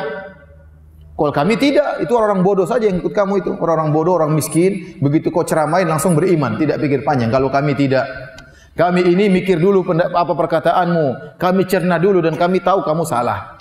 Adapun pengikut kamu itu orang bodoh tidak ngerti. Ibnu Katsir waktu menyampaikan hujahnya orang-orang musyrik ini Ibnu Katsir berkata, "Justru kalian yang enggak ngerti." Ya. Kenapa? Karena yang disampaikan oleh Nabi Nuh adalah hujah yang sangat jelas, tidak perlu pikir panjang. Kalau ada orang bilang matahari di atas perlu pikir panjang atau tidak? Yang pikir panjang itu yang bahlul. Paham? Orang lihat matahari di atas selesai. Ini cahaya matahari sudah enggak usah pikir panjang. Justru mereka ini terpuji karena mereka dengan ketulusan hati mereka tidak pikir panjang melihat kebenaran yang sangat terang benderang dibawa oleh Nabi Nuh alaihissalam. Oleh kerana di antara keistimewaan uh, Abu Bakar radhiyallahu anhu sebagian dalam datang sebagian riwayat ya kata Nabi saw Tidaklah aku mendakwai seorang illa kanat lahu kabwa illa Abu Bakar. Setiap aku dakwai orang, semua orang pasti ada yang ragu-ragu, tidak ada yang langsung terima. Yang langsung terima dakwah saya cuma siapa? Abu Bakar radhiyallahu taala anhu. Tidak pikir panjang langsung terima dakwah. Kenapa? Dakwah Nabi benar-benar jelas terang benderang. Jadi mereka mencela Nabi Nuh dengan mengatakan yang ikut kamu wahai Nuh hanyalah orang-orang awam, orang-orang bodoh yang terima langsung. Kalau kami kami pikir panjang. Justru kalian yang tercela kebenaran yang jelas ngapain pikir pikir panjang. Taib hadirin ya. Kemudian kata mereka wa mana raulakum alaina min fadl dan kami tidak melihat engkau punya kelebihan di atas kami. Kau bukan orang paling kaya no. Engkau bukan orang paling kaya. Engkau punya apa kelebihan di atas kami? Kenapa kau menjadi rasul? Kenapa kau menjadi rasul? Apa kelebihanmu? Bal nadhunnukum kadzibin. Menurut kami kau pendusta wahai Nuh. Subhanallah. Mereka tidak mau terima Nabi Nuh dan mereka bikin persyaratan supaya supaya mereka mau beriman kepada Nabi Nuh. Nabi Nuh mengatakan kepada mereka. Jadi ada tuduhan-tuduhan mereka kepada Nabi Nuh. Di antara tuduhan mereka kepada Nabi Nuh, kata mereka in huwa illa rajulun bihi jinnatun. Sungguhnya Nuh ini hanya orang gila. Wa qalu majnunu wasdujir. Kata mereka Nuh ini orang gila. Kemudian di antara tuduhan mereka Nuh ini hanya ingin mencari dunia, ingin menjadi pemimpin karena dia miskin, tidak punya apa-apa, maka dia ingin memimpin orang-orang kaya. Yuridu an yatafaddala alaikum. Nuh ini hanya ingin menjadi pemimpin kalian. Caranya bagaimana supaya bisa menguasai orang kaya dia ngaku sebagai nabi. Jangan percaya sama sama Nuh. Jadi mereka ngejek Nabi Nuh. Nuh ini hanya ingin cari dunia. Ingin cari dunia, menjadi pemimpin, dapat dunia, setelah itu dia menguasai kita, dia minta dunia dari kita. Semua tuduhan dituduhkan kepada Nabi Nuh alaihissalam. Maka Nabi Nuh alaihissalam dengan sabar membantah. Kata Nabi Nuh, "Wa ya qaumi la as'alukum alaihi mala." Wahai kaumku, aku tidak minta harta kepada kalian. In ajriya illa 'ala Allah. Sungguhnya aku berdakwah, aku mengharapkan pahala dari Allah Subhanahu wa taala. Kemudian kata mereka juga, Nuh kalau kau ingin kami beriman, usir itu orang-orang miskin. Kami tidak ingin kami beriman kemudian bergabung sama orang miskin. Usir mereka, biar kami yang kaya-kaya saja yang beriman. Nabi Nuh tidak mau memenuhi persyaratan mereka. Kata Nabi Nuh, "Wa ma ana bitaridil ladzina amanu innahum mulaqu rabbihim walakinni arakum qauman tajhalun." Aku tidak akan mengusir orang-orang miskin yang beriman. Sungguhnya mereka akan bertemu dengan Rabb mereka. Akan tapi menurut aku kalian yang jahil, tidak mengerti. Wa ya qaumi man yansuruni min Allah in taratum afala tadhakkarun. Wahai kaumku, wahai orang-orang kaya, kalau saya usir orang-orang miskin yang telah beriman kepada aku, Allah akan murka kepada aku. Kalau Allah murka kepada aku, siapa yang bisa tolong saya? Kemudian Nabi Nuh bantah. Kata mereka, kalau kau menjadi Nabi, kau harus paling kaya. Apa keistimewaan menjadi Nabi? Kau bukan paling kaya. Nabi Nuh bantah. Wala aqulu lakum indi khazainullah. Aku tidak pernah berkata kalau aku punya perbendaharaan alam semesta yang milik Allah. Itu milik Allah. Harta, emas, kekayaan milik Allah. Kalau Allah tidak kasih saya, saya tidak punya. Bagaimana kalian maksa saya untuk menjadi orang paling paling kaya? Wala a'lamul ghaib kata mereka wahai Nuh, kalau kau ingin jadi kami beriman kepadamu, kau harus tahu ilmu gaib. Kata Nabi Nuh, bukan syarat seorang nabi harus tahu ilmu gaib. Wala a'lamul gaib, aku tidak tahu ilmu gaib, kata Nabi Nuh salam. Wala aqulu inni malak, kata kalian kalau menjadi rasul harus harus malaikat, kata Nabi Nuh. Wala aqulu inni malak, aku bukanlah malaikat, aku hanyalah manusia biasa. Dan seterusnya. Akhirnya Nabi Nuh bantah hujah-hujah mereka. Jadi mereka ini memberi persyaratan untuk beriman kepada Nabi Nuh hanya sekedar untuk debat kusir. Mereka tidak beriman. Sama seperti terjadi para nabi-nabi yang lainnya. Coba kita lihat Nabi Saleh. Nabi Saleh waktu berdakwah lama, akhirnya umatnya marah. Ya Saleh, ente dakwah-dakwah terus. Sudahlah, kalau kamu ente mau kami beriman, itu ada batu besar, keluarkan onta dari batu tersebut.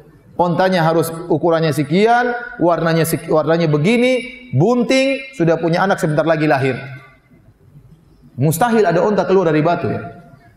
Ada tumbuhan tumbuh dari batu saja kita aneh, apalagi ada onta keluar dari batu langsung sudah gede langsung. Tidak pakai dari kecil besar, langsung gede langsung sudah punya anak. Suaminya siapa itu onta? Tahu-tahu muncul sudah. Jadi mereka membuat persyaratan yang mustahil. Onta keluar dari batu, tahu-tahu sudah bunting, ada anaknya. Nabi Saleh bilang, kalau bisa keluar onta kalian beriman. Kata mereka, iya kami beriman. Maka Nabi Saleh berdoa, ya Allah keluarkan onta dari situ. Keluar onta, cereng, kaget mereka. Waktu onta keluar, mereka tetap tidak beriman. Ya, tidak beriman. Nabi Musa alaihissalam kata kata Fir'aun, kalau kau memang Nabi, duel sama para penyihir. Akhirnya terjadi duel. Nabi Musa yang menang, apa kata Fir'aun? Apa? E, engkau adalah pemimpin para penyihir. Engkau memang penyihir hebat, wahai Musa. Sudah selesai. Ya. Inna hadza lakabirukum alladhi 'allamakum sihr. Ini Musa adalah pemimpin para penyihir. Bahkan kalian itu muridnya Musa. Bayangkan, sudah selesai. Meskipun sudah dikasih mukjizat tidak akan beriman.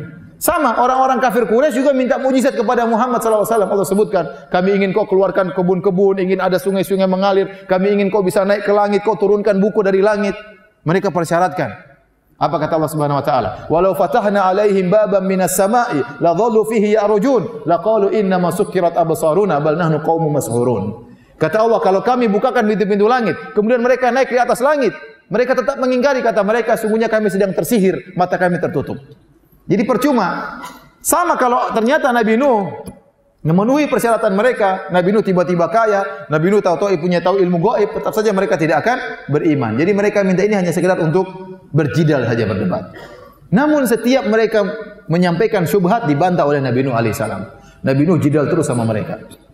Oleh karenanya kata para sebagian ulama ini dalil boleh seorang dai membantah syubhat-syubhat tidak jadi masalah. Sebagaimana Nabi Nuh membantah syubhat-syubhat mereka, tidak membantah tuduhan-tuduhan mereka. Akhirnya mereka sudah kalah debat kata mereka, qalu ya Nuh qad jadaltana fa aktsarta jidalana. Fa'tina bima ta'iduna in kunta minas sadiqin. Kata mereka, wahai Nuh, kau memang tukang debat Nuh, terlalu banyak debat. Kau terlalu banyak debat kami, sudah enggak usah banyak debat Nuh. Datangkan azabmu ke kemari. Kau bilang katanya nanti ada azab pedih, katanya ada azab yang dahsyat.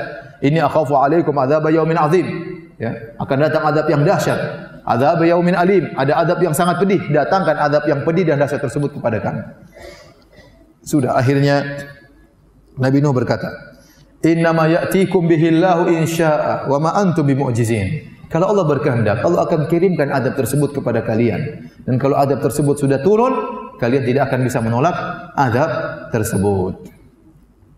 Kemudian kata Nabi Nuh, "Wala yanfa'ukum nushi in aradtu an ansaha lakum in kana Allah yuridu ayyughwiyakum huwa rabbukum wa ilaihi turja'un." Kata Nabi Nuh kepada mereka setelah lama berdakwah, Nabi Nuh berkata, kesimpulannya, percuma nasihat saya kepada kalian wahai kaumku. Saya sudah nasihat kalian capek-capek. Kalau Allah memang ingin menyesatkan kalian, percuma nasihat kalian. Mau nasihat saya kepada kalian. Toh kalian akan dikembalikan kepada Rob kalian. Nasihat saya tidak ber bermanfaat.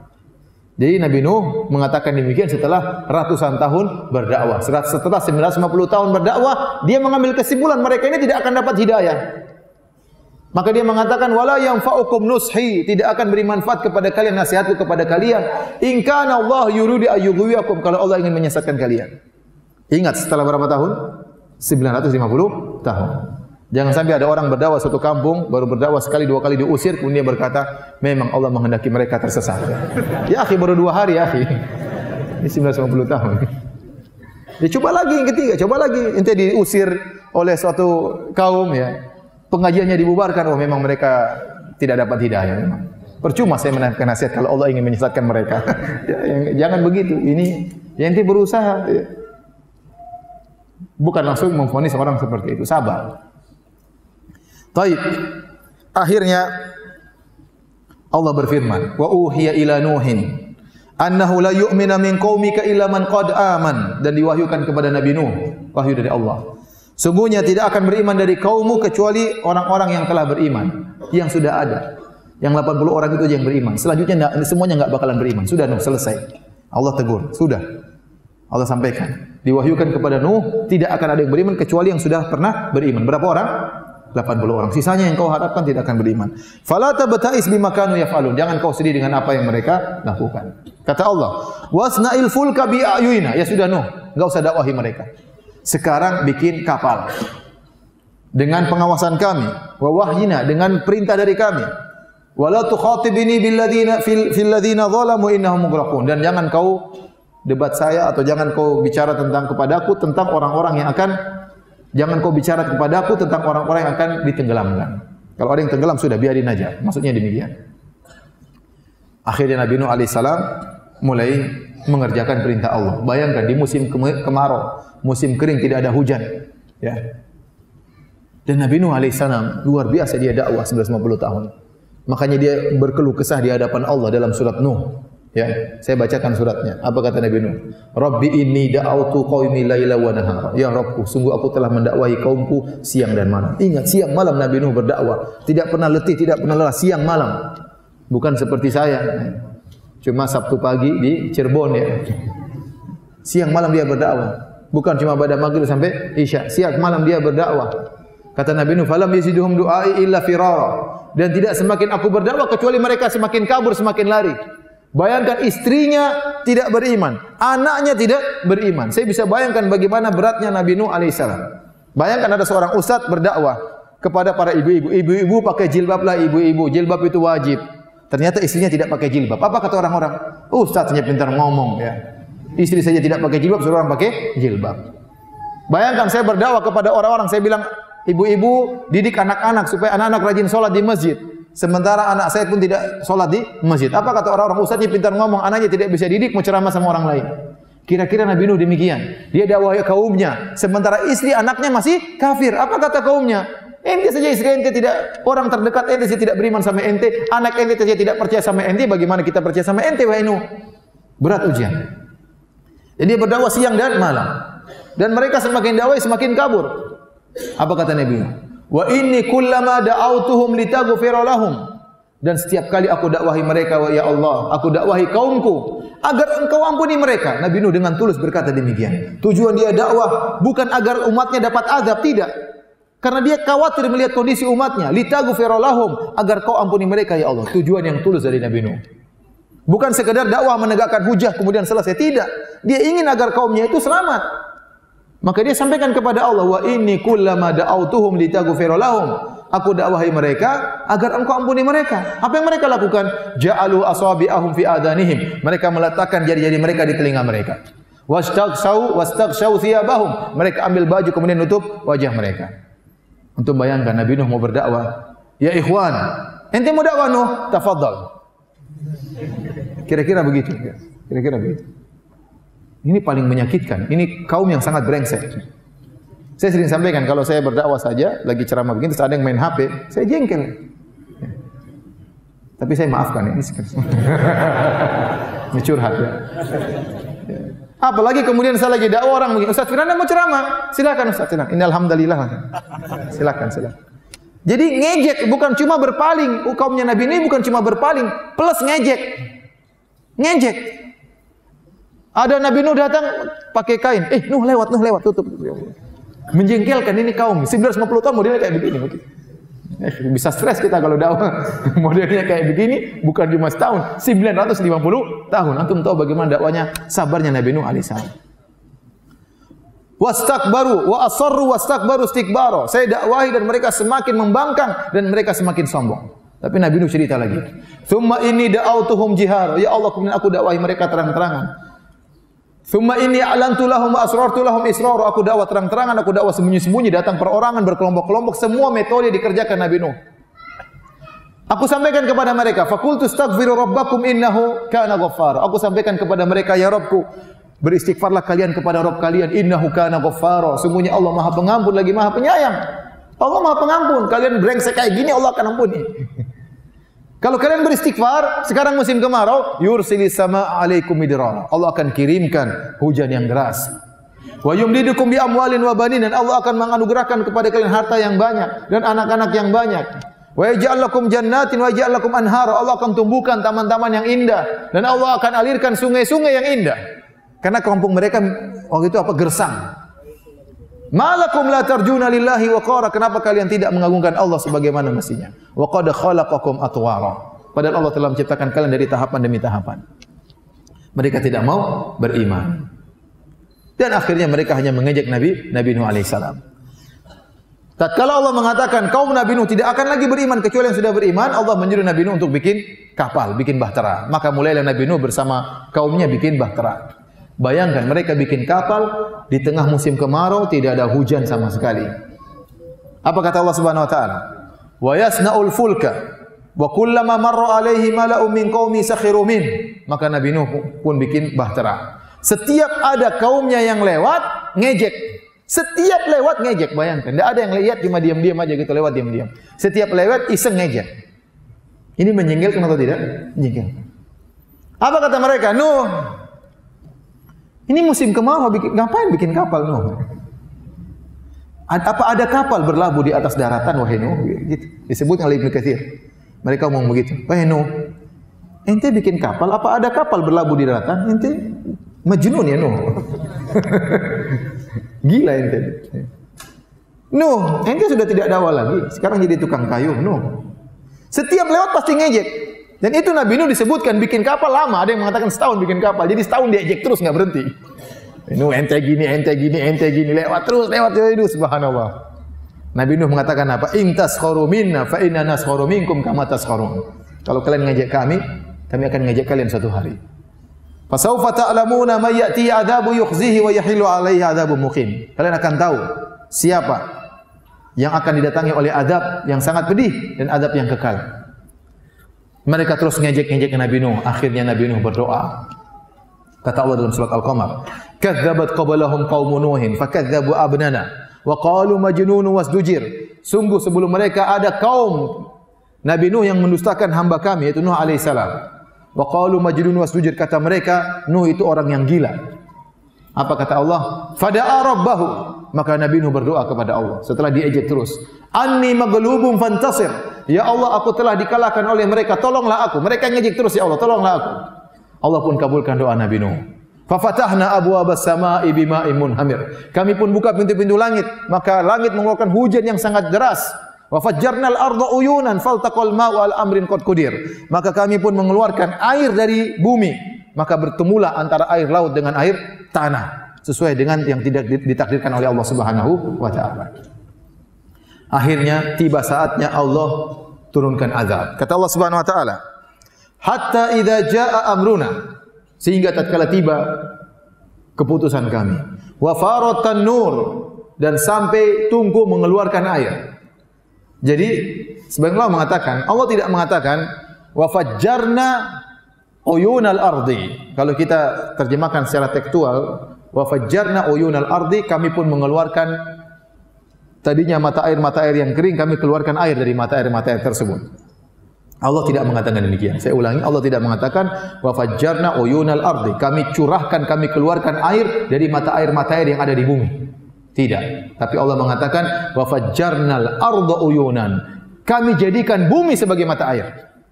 Berarti air keluar mau dari mata air, bukan dari mata air, semua keluar air. Karena Allah menjadikan bumi semuanya mata mata air.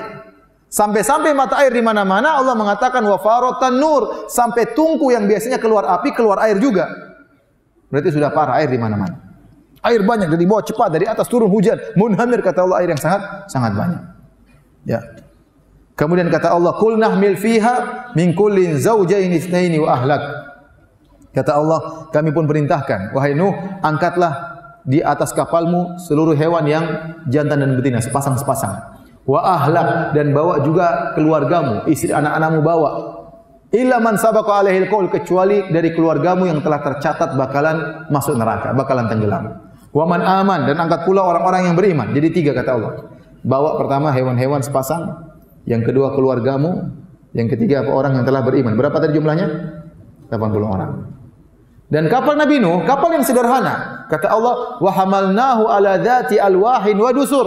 Kami angkat Nabi Nuh di atas sebuah kapal yang terbuat dari lempengan-lempengan papan, kayu, wadusur dan dari paku. Jadi sederhana kapal sederhana. Zaman dahulu bukan kapal besi, bukan kapal logam, tidak kapal dari kayu sederhana di paku. Disebutkan oleh sebagian ahli tafsir, kapal tersebut dibuat tiga tingkatan. Ada tingkatan buat manusia, yang 80 orang tersebut ada tingkatan buat hewan-hewan, kemudian tingkat ketiga untuk burung-burung. Ini semua tidak ada dalil, sekedar Israiliyat ya. Tetapi intinya ada kapal tersebut dibangun dibuat oleh Nabi Nuh alaihissalam. Kemudian kata Allah, "Wa ma amana ma'ahu illa qalil" dan tidak ada yang beriman kepada Nabi Nuh kecuali hanya sedikit. Ingat ya ikhwan, banyak sedikit bukan urusan bukan ukuran kebenaran. Bisa jadi kebenaran bersama jumlah yang banyak dan bisa jadi kebenaran bersama jumlah yang sedikit. Seorang terpedaya dengan jumlah yang banyak, tatkala melihat jumlah yang banyak, menganggap ini benar. Belum tentu benar ya akhi. Saya tanya sama antum, orang Islam sama orang Nasor lebih banyak mana? Lebih banyak Nasoro, miliaran. Ya. Saya tidak sama antum di India orang Islam sama orang Hindu banyakkan mana? Orang Hindu banyak, beda jauh sekali. Ya. Di Cina orang Islam sama orang Buddha banyakkan mana? Jauh sekali bedanya. Ya. Tapi mereka semua musyrikin. Ada yang menyembah Nabi, ada yang menyembah sapi, ada yang menyembah jin, ada yang menyembah manusia. Musyrikin. Berarti ukuran banyak bukan ukuran kebenaran. Bukan berarti juga antum sedikit antum merasa benar, tidak ya. Bisa jadi kebenaran bersama jumlah yang banyak, bisa jadi kebenaran bersama jumlah yang sedikit. Maka bukan ukuran. Bukan ukuran. Ada ustaz ceramah kemudian pengikutnya banyak, belum tentu ustaz itu benar. Sebagaimana pula ustaz pengikutnya sedikit juga belum tentu benar. Jadi kebenaran diukur dengan Al-Qur'an dan sunnah. Al-Qur'an dan dan sunnah, ya. Saya diceritain sama kakak kelas, di dulu di Masjid Nabawi ada seorang syekh. Dia ceramah di Masjid Nabawi. Dikasih kursi dia ceramah, tidak ada yang hadir. Tidak ada yang hadir. Petugasnya, petugas perekam datang dulu perekam sekarang sudah canggih, tidak perlu pakai tape. Dulu pakai tape. Colok kemudian pakai cap direkam, dia ceramah direkam. Petugas perekamnya ada yang hadir enggak ada. Begitu berlalu berhari-hari tidak ada yang hadir. Namun apakah syekh ini kemudian dikatakan dia sesat atau menyimpang? Enggak. Buktinya dia meninggal di saf pertama di Masjid Nabawi lagi sholat. Ini bukan ukuran kebenaran berarti seorang ini nasihat kepada saya pribadi kepada para dai dai yang menyuruh kepada sunnah bersabar. Pengikut banyak sedikit, pengikut banyak ujian, pengikut sedikit juga apa? Ujian. Sedikit bukan berarti anda salah, benar janganlah terbedaya dengan jumlah yang banyak. Jangan sampai ria, jangan sampai angku, jangan sampai sombong, jangan sampai merasa-merasa. Orang pengikut banyak belum tentu benar. Belum tentu benar. Demikian juga sedikit juga belum tentu benar. Yang benar adalah yang dibenarkan oleh Al-Quran dan Sunnah Nabi Sallallahu Alaihi Wasallam. Kata Nabi sallallahu alaihi wasallam, "Nabi wa laisa ma'u ahad." Hari kiamat itu ada seorang nabi tidak ada pengikutnya sama sekali. Jalan sendiri enggak ada pengikutnya. Kenapa saya perlu sampaikan ini? Terkadang orang terpedaya dengan jumlah banyak. Itu pengikutnya banyak sekali, ramai sekali. Belum tentu benar ya. Belum tentu benar. Meskipun jutaan orang, belum tentu benar. Taib. Yang beriman kepada Nabi Nuh kata Allah, "Ma amana ma'ahu illa qalil." Yang beriman cuma sedikit sekitar 80 orang. Kemudian Nabi Nuh berkata kepada orang-orang yang naik di atas kapalnya, "Qala rkabu fiha bismillahi majriha wa mursaha. Inna rabbi laghafurur rahim."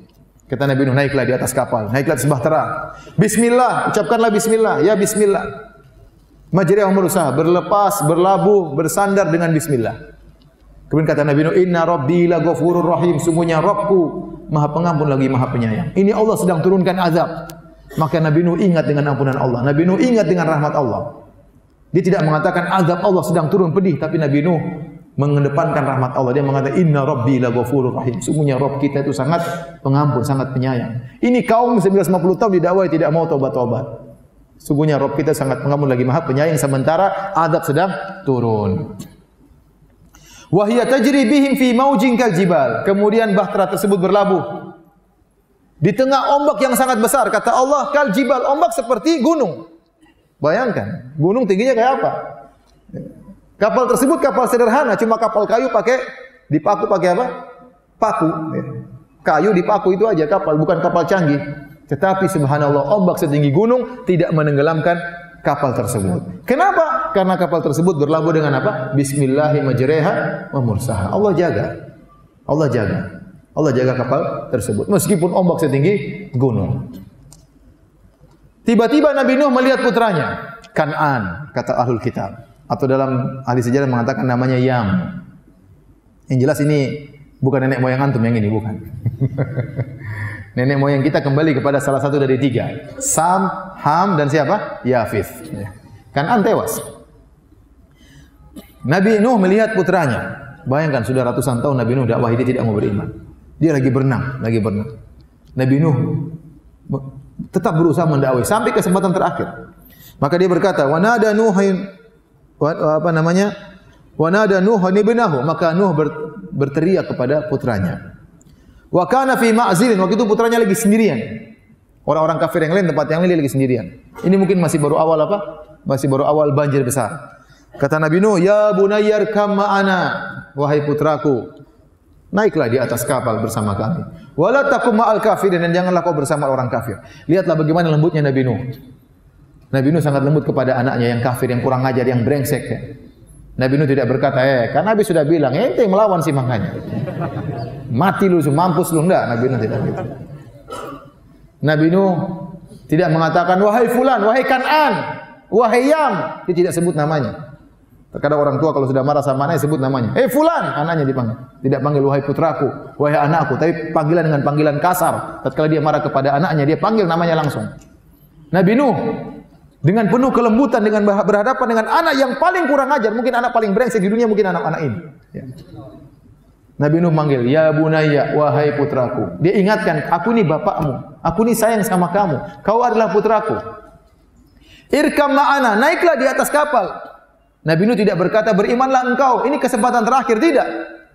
Karena Nabi Nuh tahu anaknya ini brengsek. Kalau Nabi Nuh berkata, "Berimanlah engkau," dia bakalan jengkel. Ah, saya tidak beriman.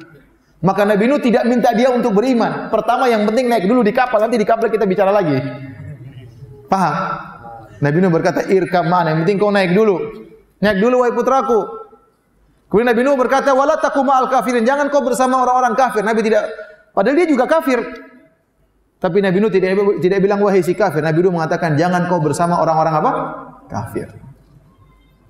Padahal dia juga apa? Kafir. Seakan-akan anaknya tidak kafir, orang-orang kafir kelompok lain. Ini semua kelembutan yang disampaikan Nabi Nuh di saat-saat terakhir. Siapa tahu anaknya dapat hidayah. Perjuangan luar biasa dari seorang ayah yang sangat sayang kepada anaknya. Apa jawaban anaknya? Anaknya sama aja brengsek. Dia mengatakan, Sa'awi ila jabali ya'simuni minal ma' Dia mengatakan saya akan sampai kepada puncak gunung yang akan menyelamatkan aku dari air air ini. Ya. Masya Allah ngeyelnya luar biasa. Saya akan selamat. Dia tidak bilang wahai ayahanda. Tidak, dia bilang saya akan selamat. Masih ngeyel. Saya akan selamat. Saya, dia mungkin mandi berenang mungkin ya. Makanya dia merasa pede bisa selamat. Nabi Nuh berkata, "Qala la 'asimal yawma min amrillah illa man rahim." Ketahuilah tidak ada keselamatan bagi seorang pun kecuali dirahmati oleh Allah. Dia tidak bilang kau tidak akan selamat, tapi dia mengatakan wahai ini berlaku umum kau dan yang lainnya. Tidak akan selamat kecuali dirahmati oleh Allah Subhanahu wa taala. Nabi Nuh masih menyebutkan tentang rahmat Allah. Kau dalam kondisi begini masih bisa dirahmati oleh Allah Subhanahu wa taala. Akhirnya apa? Nabi Nuh terus mendakwai anaknya, wahala bainahumal mauju fakana minal mughraqin. Tiba-tiba ada ombak besar menenggelamkan apa? putranya. Setelah itu setelah semua meninggal dunia, orang kafir semua meninggal dunia, maka Allah berkata waqila ya ardu bila'i ma'aki wa ya sama'u aqlihi. Wahai bumi, masukkan lagi airmu. Maka air pun surut. Wa ya sama'u aqlihi. Wahai langit, berhentilah dari menurunkan hujan. Wa ghidhal ma' air pun surut. Wastawat alal judi. Kemudian kapal tersebut bersandar di atas gunung al-judi. Entah di mana gunung ada yang mengatakan di Turki, ada yang mengatakan di Irak, ada yang mengatakan negeri Syam, Allah alam bisawab. Ya. Kemudian Nabi Nuh dengan penuh kesedihan, dia masih ingat anaknya. Dia masih berusaha. Kalau anak saya tidak selamat di dunia, semoga anak saya masih bisa selamat di akhirat. Maka dia berdoa kepada Allah. Wa nada Nuh rabbahu. Maka Nabi Nuh berdoa. Faqala rabbi inna bni min ahli. Ya Rabbku, sungguhnya putraku itu yang meninggal adalah anakku termasuk dari keluargaku. Wa inna wa'dakal haq dan kau telah berjanji dan janjimu benar. Kau tidak akan menyelisih janji. Kau berjanji bahwasanya akan engkau berjanji ya Allah akan menyelamatkan keluargaku. Ini ada dari keluargaku. Nuh menagih janji Allah. Padahal Allah dalam janjinya Allah berkata, "Illa man sabaqa alaihil qaul." Keluargamu selamat kecuali yang sudah ditakdirkan akan tenggelam. Dan Allah sudah ingatkan di awal, "Wahai Nuh, jangan kau bicara denganku tentang orang yang tenggelam. Jangan bela-bela." Ternyata Nabi Nuh karena sayangnya kepada anaknya dia lupa dengan itu semua. Sayangnya kepada anaknya. Padahal anaknya sangat brengsek. Wa anta ahkamul hakim dan engkau adalah zat yang paling bijaksana. Apa kata Allah? Ya Nuh, innahu laisa min ahlik. Wahai Nuh, anakmu itu, Kan'an itu, Yam itu bukanlah dari keluargamu. Innahu amalun ghairu salih. Dia telah mengamalkan amalan yang tidak benar. Dia kafir ya Nuh. Fala tas'alni ma laysa laka bihi ilm. Jangan kau minta kepada aku sesuatu yang kau tidak punya ilmu tentangnya. Ini a'idzuka an takuna minal jahilin. Aku nasihati engkau wahai Nuh.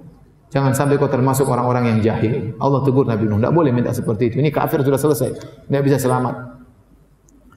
Maka kata Nabi Nuh, "Qala Rabbi, inni a'udzubika an as'alaka ma laysa li bi ilm." Ya Rabbku, aku berlindung kepada Engkau dari memohon perkara yang aku tidak punya ilmu tentangnya. Wa illa taghfirli wa tarhamni. Kalau kau tidak ampuni aku, kau tidak rahmati aku, ya, aku minal khasirin. Maka aku akan termasuk orang-orang yang merugi. Akhirnya Allah mengatakan, wahai Nuh, bersandarlah engkau dengan penuh keselamatan, turunlah engkau dari kapal dengan penuh keberkahan. Ya, setelah itu Allah berfirman di akhir ayat, tilka min amba'il ghaibi nuhiha ilaik. Inilah sebagian dari berita-berita gaib yang pernah terjadi di masa lalu yang kami wahyukan kepada engkau wahai Muhammad. Ma kunta ta'lamuha. Kau tidak pernah tahu tentang kisah ini wahai Muhammad. Wala qaumuka dan kaummu juga tidak pernah tahu tentang kisah ini. Allah berkata apa? Fasbir innal aqibata lil muttaqin. Bersabarlah engkau wahai Muhammad. Sungguhnya ya, kesudahan yang indah bagi orang-orang yang bertakwa. Jadi rupanya Allah bawakan kisah Nabi Nuh ini intinya itu agar Nabi Muhammad bersabar. Sekarang kau diintimidasi, kaummu disiksa, sebagian dibunuh di kota Mekah, sabar. Kesudahan yang indah akan bersama orang-orang yang bertakwa. Jadi inilah kisah Nabi Nuh alaihissalam yang bisa kita sampaikan ya, dari ayat-ayat dalam Al-Quran. Semoga bermanfaat bagi kita semua. Ya. Kurang lebihnya saya mohon maaf. Kalau ada yang bertanya saya persilahkan. Allah Taala alam bisawab. Uh, di antara pertanyaan yang masuk, ya banyak pertanyaan. Tentunya tidak semua bisa saya jawab. Ya. Di antara pertanyaan Ustaz, bolehkah kita meyakini bahwa kapal yang dibuat oleh Nabi Nuh adalah bahan kayunya berasal dari kayu jati dari Jawa.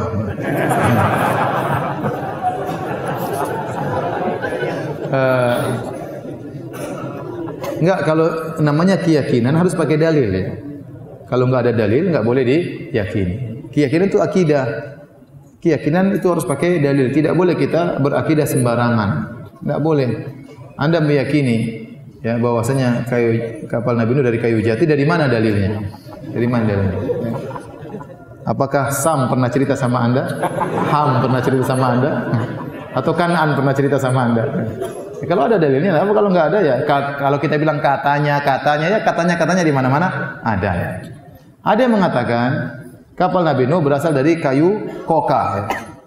Makanya saya pernah ditanya, Ustadz ini ada bagaimana hukum membeli tasbih yang terbuat dari kayu kapal Nabi Nuh ya. Jadi mereka meyakini penjual tasbih yang bikin iklan ya. Ini kayu koka ini buat tasbih ini yang bikin kapal Nabi Nuh pakai kayu ini ya. Mal penjual pada beli ya. Jadi Uh, kalau ada dalilnya terus itu kalau Allah tidak cerita dari kayu apa ya sudah enggak usah kita bahas enggak, enggak ada begitu manfaatnya enggak ada manfaatnya terus kalau dia dari kayu jatuh terus kenapa emang enggak enggak ada hubungannya jadi tidak perlu kita meyakini yang tidak ada uh, dalilnya Akhir-akhir ini sebagian orang mengkait-kaitkan nabi-nabi dengan Pulau Jawa. Yang saya, saya seperti ada ilmuwan di Indonesia ya yang mengatakan bahwasanya Nabi Sulaiman itu di Jawa Tengah, di Sleman. Subhanallah. Terus Haikal Sulaiman, Candi Borobudur. Ya, ini enggak enggak benar ini. Dari mana dalilnya seperti itu? Kalau Nabi Sulaiman pernah tinggal di Sleman, harusnya orang-orang Sleman mirip-mirip wajahnya mirip-mirip apa?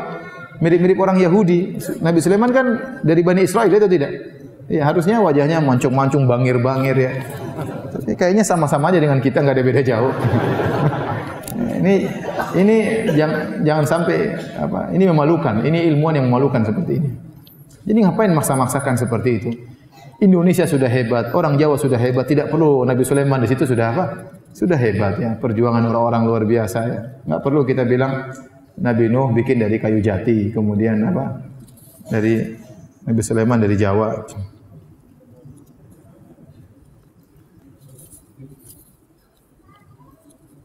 Bagaimana hubungannya tauhid dengan wanita yang berbakti kepada suaminya dan anak yang berbakti kepada orang tuanya? Apakah ada hubungannya? Sebenarnya di antara bukti tauhid yaitu orang tunduk kepada perintah Allah. Makanya Ibnu Qayyim rahimahullah tatkala menjelaskan tauhid, dia tidak membahas tauhid secara makna sempit. Bahwasanya maknanya adalah jangan berbuat syirik saja. Tapi tauhid itu segala perintah Allah yang kita kerjakan itu adalah ibadah dan ibadah itulah adalah bentuk daripada tauhid. Dan di antara ibadah yang sangat agung adalah berbakti kepada orang tua. Makanya Allah gandengkan antara berbakti kepada orang tua dengan tauhid. Wa'budullaha wa la tusyriku bihi syai'a. Ya. Anishkurli wa liwalidayka ilayyal masir. Ya. Allah gandengkan beribadalah kepada Allah saja, tauhidkanlah Allah dan berbaktilah kepada orang tua. Allah gandengkan tauhid dengan berbakti kepada kedua orang tua. Ini menunjukkan berbakti kepada orang tua adalah salah satu ibadah yang sangat utama, yang sangat mulia. Nah kalau orang tidak mengerjakannya berarti dia pentauhidan kepada Allah rendah. Maka omong kosong ada orang mengatakan dia sunnah bertauhid ternyata tidak berbakti kepada orang tua. Berarti dia kurang mengagungkan Allah Subhanahu wa taala. Kalau dia mengagungkan Allah harusnya dia berbakti kepada orang tua. Sama, Nabi yang pernah berkata kepada para wanita, kata Nabi, "Unzuri aina anti minhu fa innahu jannatika jannatuki aw naruki." Wahai sang wanita, lihatlah engkau di posisi suamimu, di hati suamimu, posisimu di hati suamimu. Sungguhnya suamimu itu adalah surgamu atau nerakamu. Ini dalil bahwasanya berbakti kepada suami adalah perkara yang sangat besar. Dan Nabi SAW berkata, "Lau kuntu amiran ahadan an yasjuda li ghairillah la amartul mar'ata an tasjuda li zawjiha." Kalau saya boleh merintahkan orang untuk sujud kepada selain Allah, maka saya akan perintahkan wanita sujud kepada suaminya. Ini berarti tunduk kepada suami, taat kepada suami, pahalanya besar, ibadah sangat tinggi. Makanya Nabi SAW bersabda, ya, tentang wanita yang dijamin masuk surga dari pintu mana saja yang dia kehendaki. Idza shallatil mar'atu khamsaha, kata Nabi kalau seorang wanita salat lima waktu, wa shamat syahraha dan dia puasa di bulan Ramadan, wa hafizat farjaha, dia menjaga kemaluannya, wa ata'at ba'laha, dia taat kepada suaminya, Qilalah dikatakan kepadanya udkhilil jannata min aybabin syi'ti. Masuklah masuklah engkau dalam surga dari pintu mana saja yang kau kehendaki. Dia mudah untuk wanita untuk masuk surga. Salat lima waktu.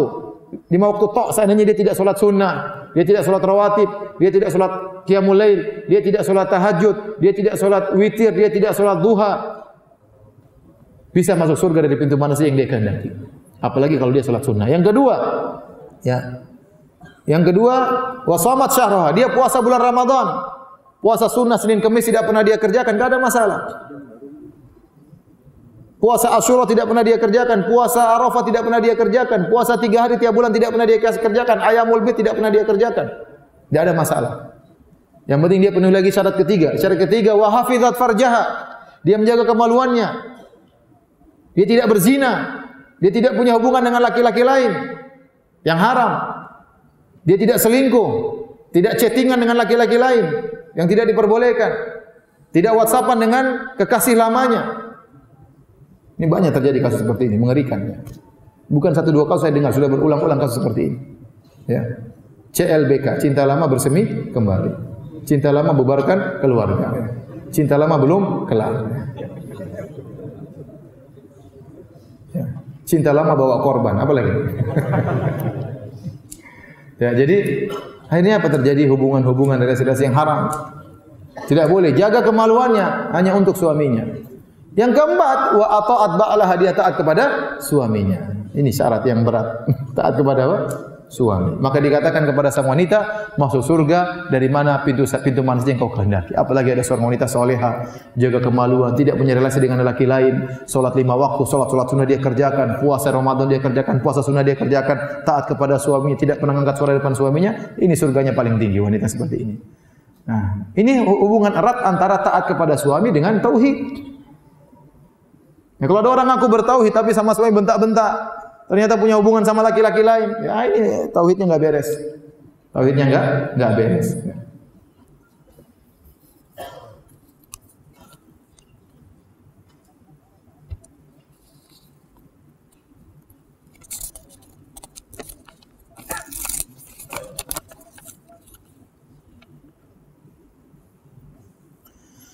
Maaf pertanyaan saya melenceng dari topik.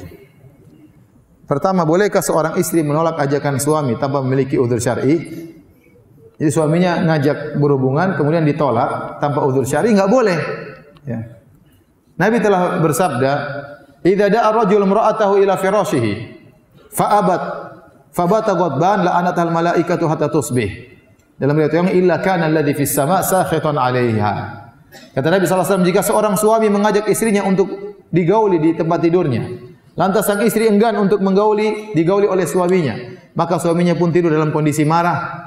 Maka malaikat akan melaknat sang wanita sampai pagi hari. Di antara perkara yang sangat diwajibkan, di antara bentuk ketaatan yang sangat diwajibkan bagi seorang istri adalah mentaati suami tatkala suami mengajak untuk berhubungan. Kalau dia punya udzur syar'i, tidak ada masalah. Ya. Dia sakit atau dia sangat letih. Ya, tapi kalau enggak ada udzur syar'i, hanya tidak berhasrat misalnya, ya, Ya dia ciptakan hasrat tersebut. Sampaikan suami tolong rayu saya supaya saya bisa berhasrat. Bagaimana caranya? Tapi menolak tanpa uzur syar'i enggak boleh. Dilaknat dosa besar. Dilaknat oleh malaikat.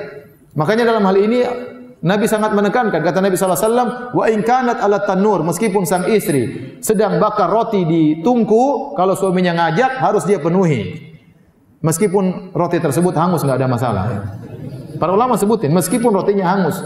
Ini penjelasan para ulama enggak ada masalah. Ya. Wa in kanat ala qatab meskipun sang istri sedang berada di atas pelana onta mau berangkat, tiba-tiba suaminya ingin, maka turun dari ontanya gaul digauli dulu sama suaminya. Nanti belakangan. Ibarat kalau misalnya ada seorang wanita pergi ke pasar sudah pesan Gojek atau Grab atau yang lainnya, tahu-tahu suaminya berpikiran, "Sayang sini dulu." Grabnya suruh pergi bayar. Yang penting apa memenuhi syahwat suami. Apalagi zaman now ya ibu-ibu sekalian rahmatillah subhanahu wa taala. Sekarang syahwat di mana-mana beredar. Kalau dahulu di zaman Nabi dia mengatakan jika seorang lelaki kemudian terfitnah oleh seorang wanita datangi istrinya. Itu padahal di zaman Nabi orang pada berjilbab, mungkin ada satu dua aja yang tidak pakai jilbab, kemudian kelihatan tiba-tiba dia tergerak syahwatnya pergi kepada istrinya. Atau mungkin dilihat wanita pakai jilbab, meskipun pakai jilbab dia tergoda wanita lain, pulang ketemu istrinya. Nabi suruh segera pulang ke rumah istrinya untuk melampiaskan syahwatnya. Oleh zaman sekarang, semuanya kelihatan di mana-mana. Di mana-mana. Kita aja mau ngisi pengajian aja, lihat-lihat dulu macam-macam. Ya. Apalagi kalau ngisi pengajian luar negeri. Coba, saya itu berapa kali ke pergi ke Amsterdam. Mau Amsterdam, wah rusak dulu baru ngisi pengajian Amsterdam. Naik di atas pesawat sudah ketemu dengan berbagai macam model ya. Kemudian turun di Amsterdam ketemu orang-orang wanita-wanita Eropa berbagai macam model meskipun saya bawa istri ya. Ini mau ngisi pengajian jadi kita maksiat dulu. Beneran. Ngisi di Melbourne, di Sydney, sama. Mau, mau, mau ngisi pengajian masih dulu naik ketemu ini wah sudah repot. Tapi bagaimana lagi? Makanya harus ada istri yang saya bawa ya kalau enggak repot. Ada harus ada istri yang saya bawa, padahal istri saya cuma satu. Jadi nah, dalam kehidupan yang sekarang ini penuh fitnah, maka seorang wanita berusaha kalau suaminya lagi berhasrat segera di, di apa namanya melayani sang suami. Tidak harus dia berhasrat, dia tahu ini kewajibannya. Dia tahu dia dapat pahala. Kalau dia melayani suaminya pahalanya besar di sisi Allah Subhanahu wa taala. Kenapa? Karena Nabi menekankan ini harus dikerjain. Ya. Kalau dia belum berhasrat dia timbulkan hasrat pada dirinya ya, agar bisa melayani suaminya. Ya. Karena masalah hasrat ini tidak menerima penundaan. Kalau suami lapar masih bisa bertahan, tapi kalau hasrat terus suaminya enggak mau, istrinya enggak mau, ya, repot. Dia mau kemana coba? Apalagi istrinya cuma satu, ya repot. Makanya apa namanya? Uh, kata Allah Subhanahu wa taala, "Nisa'ukum harthul lakum fa'tu harthakum anna syi'tum." Kata Allah, istri-istri kalian sawah ladang bagi kalian. Datangilah sawah ladang kalian kapan saja kalian kehendaki. Ibnu Abbas mengatakan lailan aw naharan, kapan saja, mau siang hari mau pagi hari terserah. Dan syahwat seorang laki terkadang bergejolak tanpa dia sadari. Terkadang jam satu malam tiba-tiba dia syahwat. Terkadang jam setengah tiga siang dia bersyahwat. Terkadang pas adzan subuh dia syahwat. Terkadang pas adzan asar dia syahwat. Kita enggak tahu tiba-tiba laki tersebut tergerak syahwatnya. Dia tahu-tahu buka HP lihat cewek di situ kadang-kadang ada iklan ya. Saya berapa kali mau buka iklan solat, ini saya punya program solat, padahal saya sudah bayar loh. Bukan gratisan di iPhone. Ini saya buka iklan cewek, gue jadi ini mau lihat waktu solat aja lihat cewek joget-joget dulu. Ya Allah, saya bilang ya sebagaimana? Ya. Alhamdulillah saya punya istri. jadi kasihan ini kalau suaminya kemudian tidak di tidak dipenuhi hasratnya. Ya kerja sama antara suami. Bukan suami juga hanya ingin memenuhi hasrat, tidak memperhatikan perasaan istri, tidak dirayu terlebih dahulu, tidak ditimbulkan has hanya sekedar ingin melampiaskan hajat kemudian pulang. Ini juga enggak benar. Ya, harus saling saling bantu membantu dalam hal ini ya, antara suami dengan dengan istri. Jadi nasihat saya ya uh, seorang istri berusaha melayani suaminya. Kecuali ada udzur syar'i sakit atau apa sangat letih itu lain cerita ya. Sahkah puasa sunnah seorang istri tanpa minta izin dari suami? Harus minta izin. Itulah di antara sampai perkara masalah ini. Wanita kalau keluar rumah harus minta izin sama suami. Kenapa suami tiba-tiba punya hasrat kapan saja dia harus ada di di rumah. Makanya istri kalau keluar rumah minta izin sama suami. Merupakan hak suami istri tinggal di rumah, enggak boleh keluar. Itu hak suami. Kalau suami tidak mengizinkan istri keluar, dia enggak boleh keluar. Itu hak suami. Suami yang jadi nafkah maka istri harus patuh tinggal di rumah. Kalau ingin keluar minta izin sama suami. Ya. Boleh keluar waktu yang lama. Ya. Kemudian di antaranya kalau mau puasa minta izin sama suami. Kenapa? Karena tiba-tiba khawatirnya suaminya berhasrat di siang hari. Kemudian dia lagi berhasrat kata istrinya saya lagi puasa. Repot. Akhirnya suami jadi enggak enak. Makanya kalau dia mau uh, mau puasa minta izin, "Mas, besok saya puasa, Mas ya." Oh iya puasa silakan. Dia puasa. Ternyata jam 12 siang suaminya minta, ya udah batalin aja membatalkan karena ikut perintah siapa? Allah. Bilang dulu, Mas, kan saya sudah minta izin semalam. Ya, istriku tapi saya enggak kuat, ya udah. Jadi ini perkara penting bukan main-main. Ya, masalah ini masalah penting ditekankan oleh Nabi Shallallahu Alaihi Wasallam. Tolong, tolong ibu-ibu perhatikan masalah ini. Bantu suami ibu-ibu tundukkan pandangan. Di antara tujuan pernikahan adalah aghadulil basar, lebih mudah menundukkan pandangan. Ibu-ibu tolong perhatikan dirinya. Ya tolong uh, hiasi dirinya untuk di hadapan suami ya. Bersih-bersih jangan sampai bau ketek di hadapan suami ya. Mandi yang bersih ya. Tempat tidur dirapikan, jangan sampai ada bunyi tikus di situ, bunyi kecoak di situ jangan ya. Biar suami tentram di rumah bagaimana caranya? Ya. Kalau perlu olahraga olahraga, kalau perlu fitness fitness supaya menyenangkan apa? Suami. Karena saingan di luar banyak sekali. Bayangkan suami kerja ke kantor, ketemu perempuan di kantor. Kira-kira perempuan di kantor waktu pergi ngantor pakai baju seadanya? Tidak, dia akan berhias seindah-indahnya. Dia akan menor semerah-merah cantik harum, kemudian baju seksi pergi ke kantor. Nah, suami kita lihat perempuan seperti di kantor. Pulang ke rumah ketemu istri, bawa pipis ya. Bawa bawang ya. Bawa ketek, oh, belum sikat gigi, oh, repot. Repot.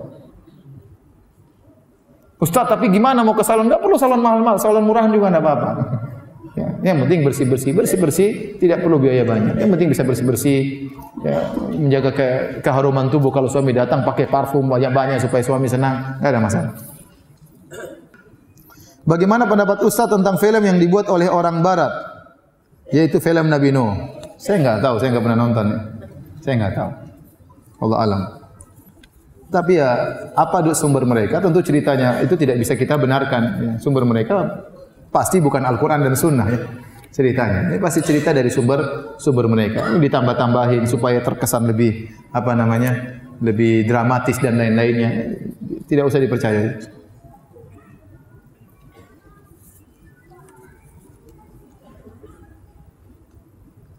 Ketika di zaman Nabi Nuh, apakah usia hamil itu lamanya 9 bulan atau berpuluh-puluh tahun?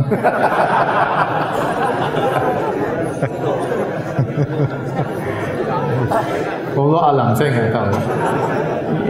Terus kalau ente tahu buat apa juga?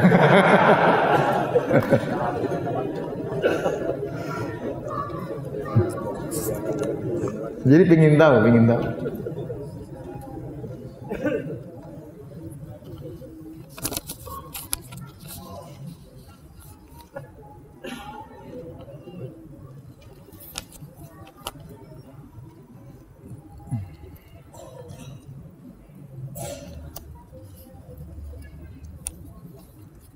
Ustaz, anak ingin berpoligami. Ini mewakili banyak orang ya. Tapi istri anak melarang. Ini juga mewakili banyak orang. Padahal istri saya sudah ngaji sunnah. Mohon nasihatnya. Ya bersabar.